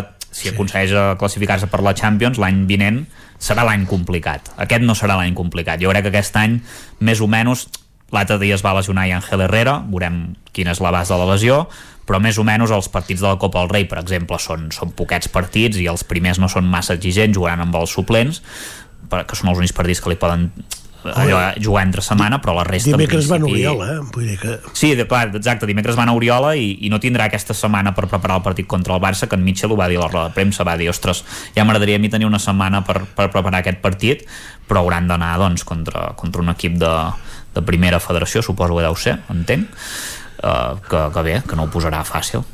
Uh, està bé, el, el, ja dic que enmig d'aquest pont de la Puríssima eh, poder esperar tant a aquest Barça-Girona com també el Madrid, jo penso que també és un, un partit complicadot eh, a camp del Betis, per tant pot ser Sí, sí. una, una jornada interessant a veure què passa, eh, per anar posant, no? per anar posant interès, si més no està bé aquesta, vull dir, la qüestió és això, que ens ho, que ens ho passem bé I això que us agrada als culers de fer coses explosives que no fa ningú. El Lewandowski va ser el primer jugador eh, no li va sortir bé, però va fer un gol amb el nas, no? no, llàstima que no el va fer, exacte. Sí, Mira, sí, si però- trenques el nas per, per fer, i acabes fent el gol, però si acaba eh, la pilota corna, pràcticament malament. Uh, en fi, uh, el Barça que hi va patir en aquest partit amb, amb l'Atlético, el Madrid que va guanyar 2-0 i el Girona, que ara en parlàvem, però que va tornar a remuntar, que no para, eh, amb el València. És la moral, eh? És allò que dèiem, eh, sí, està amb gràcia, eh? perquè, per exemple, l'Estuani està jugant menys, doncs ara és aquell moment que el treus i també et fa dos gols d'aquell oportunisme que té ell i és capaç, doncs, de, no, no és, és, eh, és suplent, però encara, doncs, treu, surt i amb aquest rendiment, aquesta motivació, els veus, no?, que van, hi havia aquella, aquella eufòria, aquella pinya, vull dir que quan les coses van bé, eh, Jo, jo no sé si, gust, eh, o sigui, si tenen exactament la mateixa edat, però jo plantejo el cas de, de l'Estuani i el cas de Lewandowski eh, en situacions, diguem, em, grans, ja, ja, ja dic, no, no, en aquests moments no sé l'edat de cada un dels dos, eh, però ja són grans, això, això és evident, porten una, una trajectòria molt àmplia. Però si eh, et, et fas gran, diguem, amb l'equip entre cometes de tota la teva vida, perquè l'Estuani gairebé tota la seva vida l'ha passat a, ja, ja recordo l'època de la- de l'Espanyol, eh, també, naturalment. Però vull dir, ha passat molts anys a Girona. Si continues a l'equip de tota la, te- la, la teva vida, encara que juguis 20 minuts, saps exactament on ets. Mentre que si canvies d'equip a segons quines edats, eh, per mi es fa més complicat. Estuani és dos anys més gran que Lewandowski. Dos anys més gran. Quants anys No, té Lewandowski? És del 88, do- 22 és del 88. 35. 35, sí, l'Estuani 37. Mm, no, i és saber també clar, el Lewandowski és el, vull dir que per currículum són incomparables, eh? el que ha Sí, fet el no, Lewandowski a la vida i el que ha fet l'Estuani i per tant això també marca molt perquè no sé si mai la, en Lewandowski sabria agafar el rol que té l'Estuani, de dir soc suplent, jugo 20, 25 minuts, intento fer un gol, per tant, Però no sé que- si mentalment aquests jugadors que ho han set tot són capaços, quan arriben al final de la seva carrera, de saber agafar un altre rol, que poder l'Estuani, que està molt ben afincat, que viu molt bé a Girona, que, que se sent a la, a la seva ciutat, vull dir que ara és conscient que pot assumir un altre rol i està molt bé aquests jugadors, eh? vull dir, aquesta, aquesta necessitat que tenen aquestes primeres espases de ser titulars i d'aguantar 90 minuts i d'encara ser pitxitxis contínuament, això és una pressió afegida que és de mal, és de mal portar, diguéssim, perquè tens la necessitat aquesta de marcar contínuament per estar dalt contínuament. De totes maneres, ja entenc que l'Estuani, eh, Lewandowski té un historial superior, però és que l'Estuani sempre s'ha titulars. Sí, sempre. però amb condicions Excepte diferents. ult- dues últimes temporades. Ve- Venim de jugar, clar, però ell ve de guanyar, doncs, eh, no, ve, ve de guanyar Champions, és un jugador Sí, no, no, fixa la seva selecció, ha ha set un referent durant molts anys, no, no aquests anys del Barça precisament, eh, sinó tota la trajectòria que porta. Però jo el que em refereixo que és més, és fàcil, és més fàcil ser suplent a l'equip que has jugat els últims 7 o 8 També, anys també. que no pas canviar de, de samarreta i llavors acceptar una funció re, residual de Ah, jugar és 20 això que minuts. deia, que és molt difícil, exacte. Sí, sí, sí, és així mateix. Messi hagués sigut suplent al Barça, segur. A Messi mai de la vida, precisament, sí, sí. Uh, en fi, i a segona, l'Espanyol que aquesta vegada primera ensopegada amb Ramis, eh, Lluís? I noi, eh, si no hi poses eh, el que hi has de posar, doncs passa el que, el que passa. Vull dir que jo sóc d'aquells que no, no ho entenc, quan un jugador surt al camp i, i s'ho agafa de, de, amb una parsimònia que no serveix ni, ni, ni per xutar a porteria. No? Jo pensava que eh, no es podia jugar pitjor que Osca i vaig veure que sí, que es podia jugar pitjor i a Oviedo ho van fer més malament encara Però és que deu ser molt difícil mentalment, eh, sent conscient que segurament que tècnicament molts dels jugadors són superiors a molts dels que estan jugant, però és clar, es tracta de posar-hi intensitat, i sense intensitat, en aquest, vull dir, a primera i a segona també, especialment, eh, és molt difícil llavors combatre de tu a tu. Dir- equips de primera federació que eliminen equips de primera divisió a, a la Copa del Rei amb què ho fan? Amb, amb, entusiasme, amb ganes amb, amb, amb córrer perquè e- és només això perquè no, eh, tècnicament no, no pots anar a buscar altra cosa eh, que, que la superioritat d'un equip de primera divisió vull dir que llavors si tens una plantilla gairebé de primera divisió tothom i però jugues eh, com a tercera doncs llavors passa el que passa Isaac, el Barça ja s'ha classificat per vuitens, eh? L'altre dia ho posaves en dubte. El Barça, sí, bueno, a veure, és que sí, bueno, però va, va anar just, eh, perquè hi va haver una estona que, que, està, que, que s'anava a l'última jornada patint, eh, perquè si el Porto hagués guanyat el partit, ostres, hi va haver una estona que, home, evidentment havia de guanyar el partit. Això és que no, és que no es posa en dubte, perquè després de dues temporades caient a la fase de grups, recordem que el Madrid, per exemple, no ha caigut mai a la fase de grups. És l'únic equip que jugant més de tres edicions de la Champions, no, una altra estadística, avui m'agraden molt les estadístiques, doncs no, no, no, no ha caigut. Uh, el Barça el que s'ha de preocupar una mica és d'emplenar el camp, que això, és, això sí que és, que és greu. És sorprenent. Perquè... És sorprenent. Eh? És sorprenent. Sí, no, no, és sorprenent. A més, a més Aviam. un partit, en teoria, un partit que havia de ser atractiu, o Important. perdis. Però és que a les 9 del vespre No diumenge, ajuda, eh? a, a, la muntanya, Diumenge. a la muntanya fa fred, eh? Clar, allà diuen que fa jo- jo- fred, mira, una, una, un una altra dada, una altra, i- i clar, la una altra dada, tampoc. perquè perquè m'interessa avui donar dades perquè hi havia 34 si- 34.568 espectadors per veure un Barça Atlètic de Madrid que coincidirem que segurament és el segon partit més atractiu de la Lliga després del, del Barça-Madrid que es pot veure a Barça-Girona. Montjuïc en aquest cas que, que, és un, que, és, que és la pitjor entrada de la temporada Sí, sí. Tot i ser contra l'Atlètic de Madrid podem dir que hi havia, feia fred evidentment, a les 9 del vespre, un horari dolent diumenge, l'endemà es treballa o hi ha gent que ja ha marxat de pont, però és que clar llavors vaig a mirar bueno, els preus evidentment són desorbitats perquè eren preus de 219 euros 90 i pico el més barat però és que el partit de segona divisió alemanya que es va jugar a menys 3 graus entre el Nuremberg i el Fortuna de Düsseldorf hi van anar només 1.000 espectadors menys tenint en compte que el camp aquell Però és allà, de ja estan, 41.000 allà, espectadors allà hi estan acostumats, home. Sí, però fred. clar, eh, estan acostumats, però és que és un partit de segona divisió que amb tots els respectes no té res a veure amb el Barça Atlètic de Madrid. Ostres, si, no, si el Barça no és capaç d'emplenar el camp, hauria de començar a sancionar tots aquests socis, almenys bueno, és que no sé, alguns se n'haurien de sancionar. Els que no han anat a la majoria de partits ja se'ls hauria d'haver sa- sancionat perquè no pot ser que en un partit així hi vagin menys de 35.000 persones Totalment d'acord. contra l'Atlètic de segur Madrid que, és que vist el que es va veure, segur que molts se'n van arrepentir de no haver-hi anat, eh? Allò pilota Clar, passada és clar. fàcil, però és veritat que el mateix Barça, aquests últims partits, no estava il·lusionant, per tant, costa No. engres, no, no està engrescant la, Però- l'allò perquè està fent uns partits Però, Miquel- ridículs, tri- i per tant, és un problema, és el que dius tu, és un problema perquè Sí, sí. tenim un Barça que no està engrescant.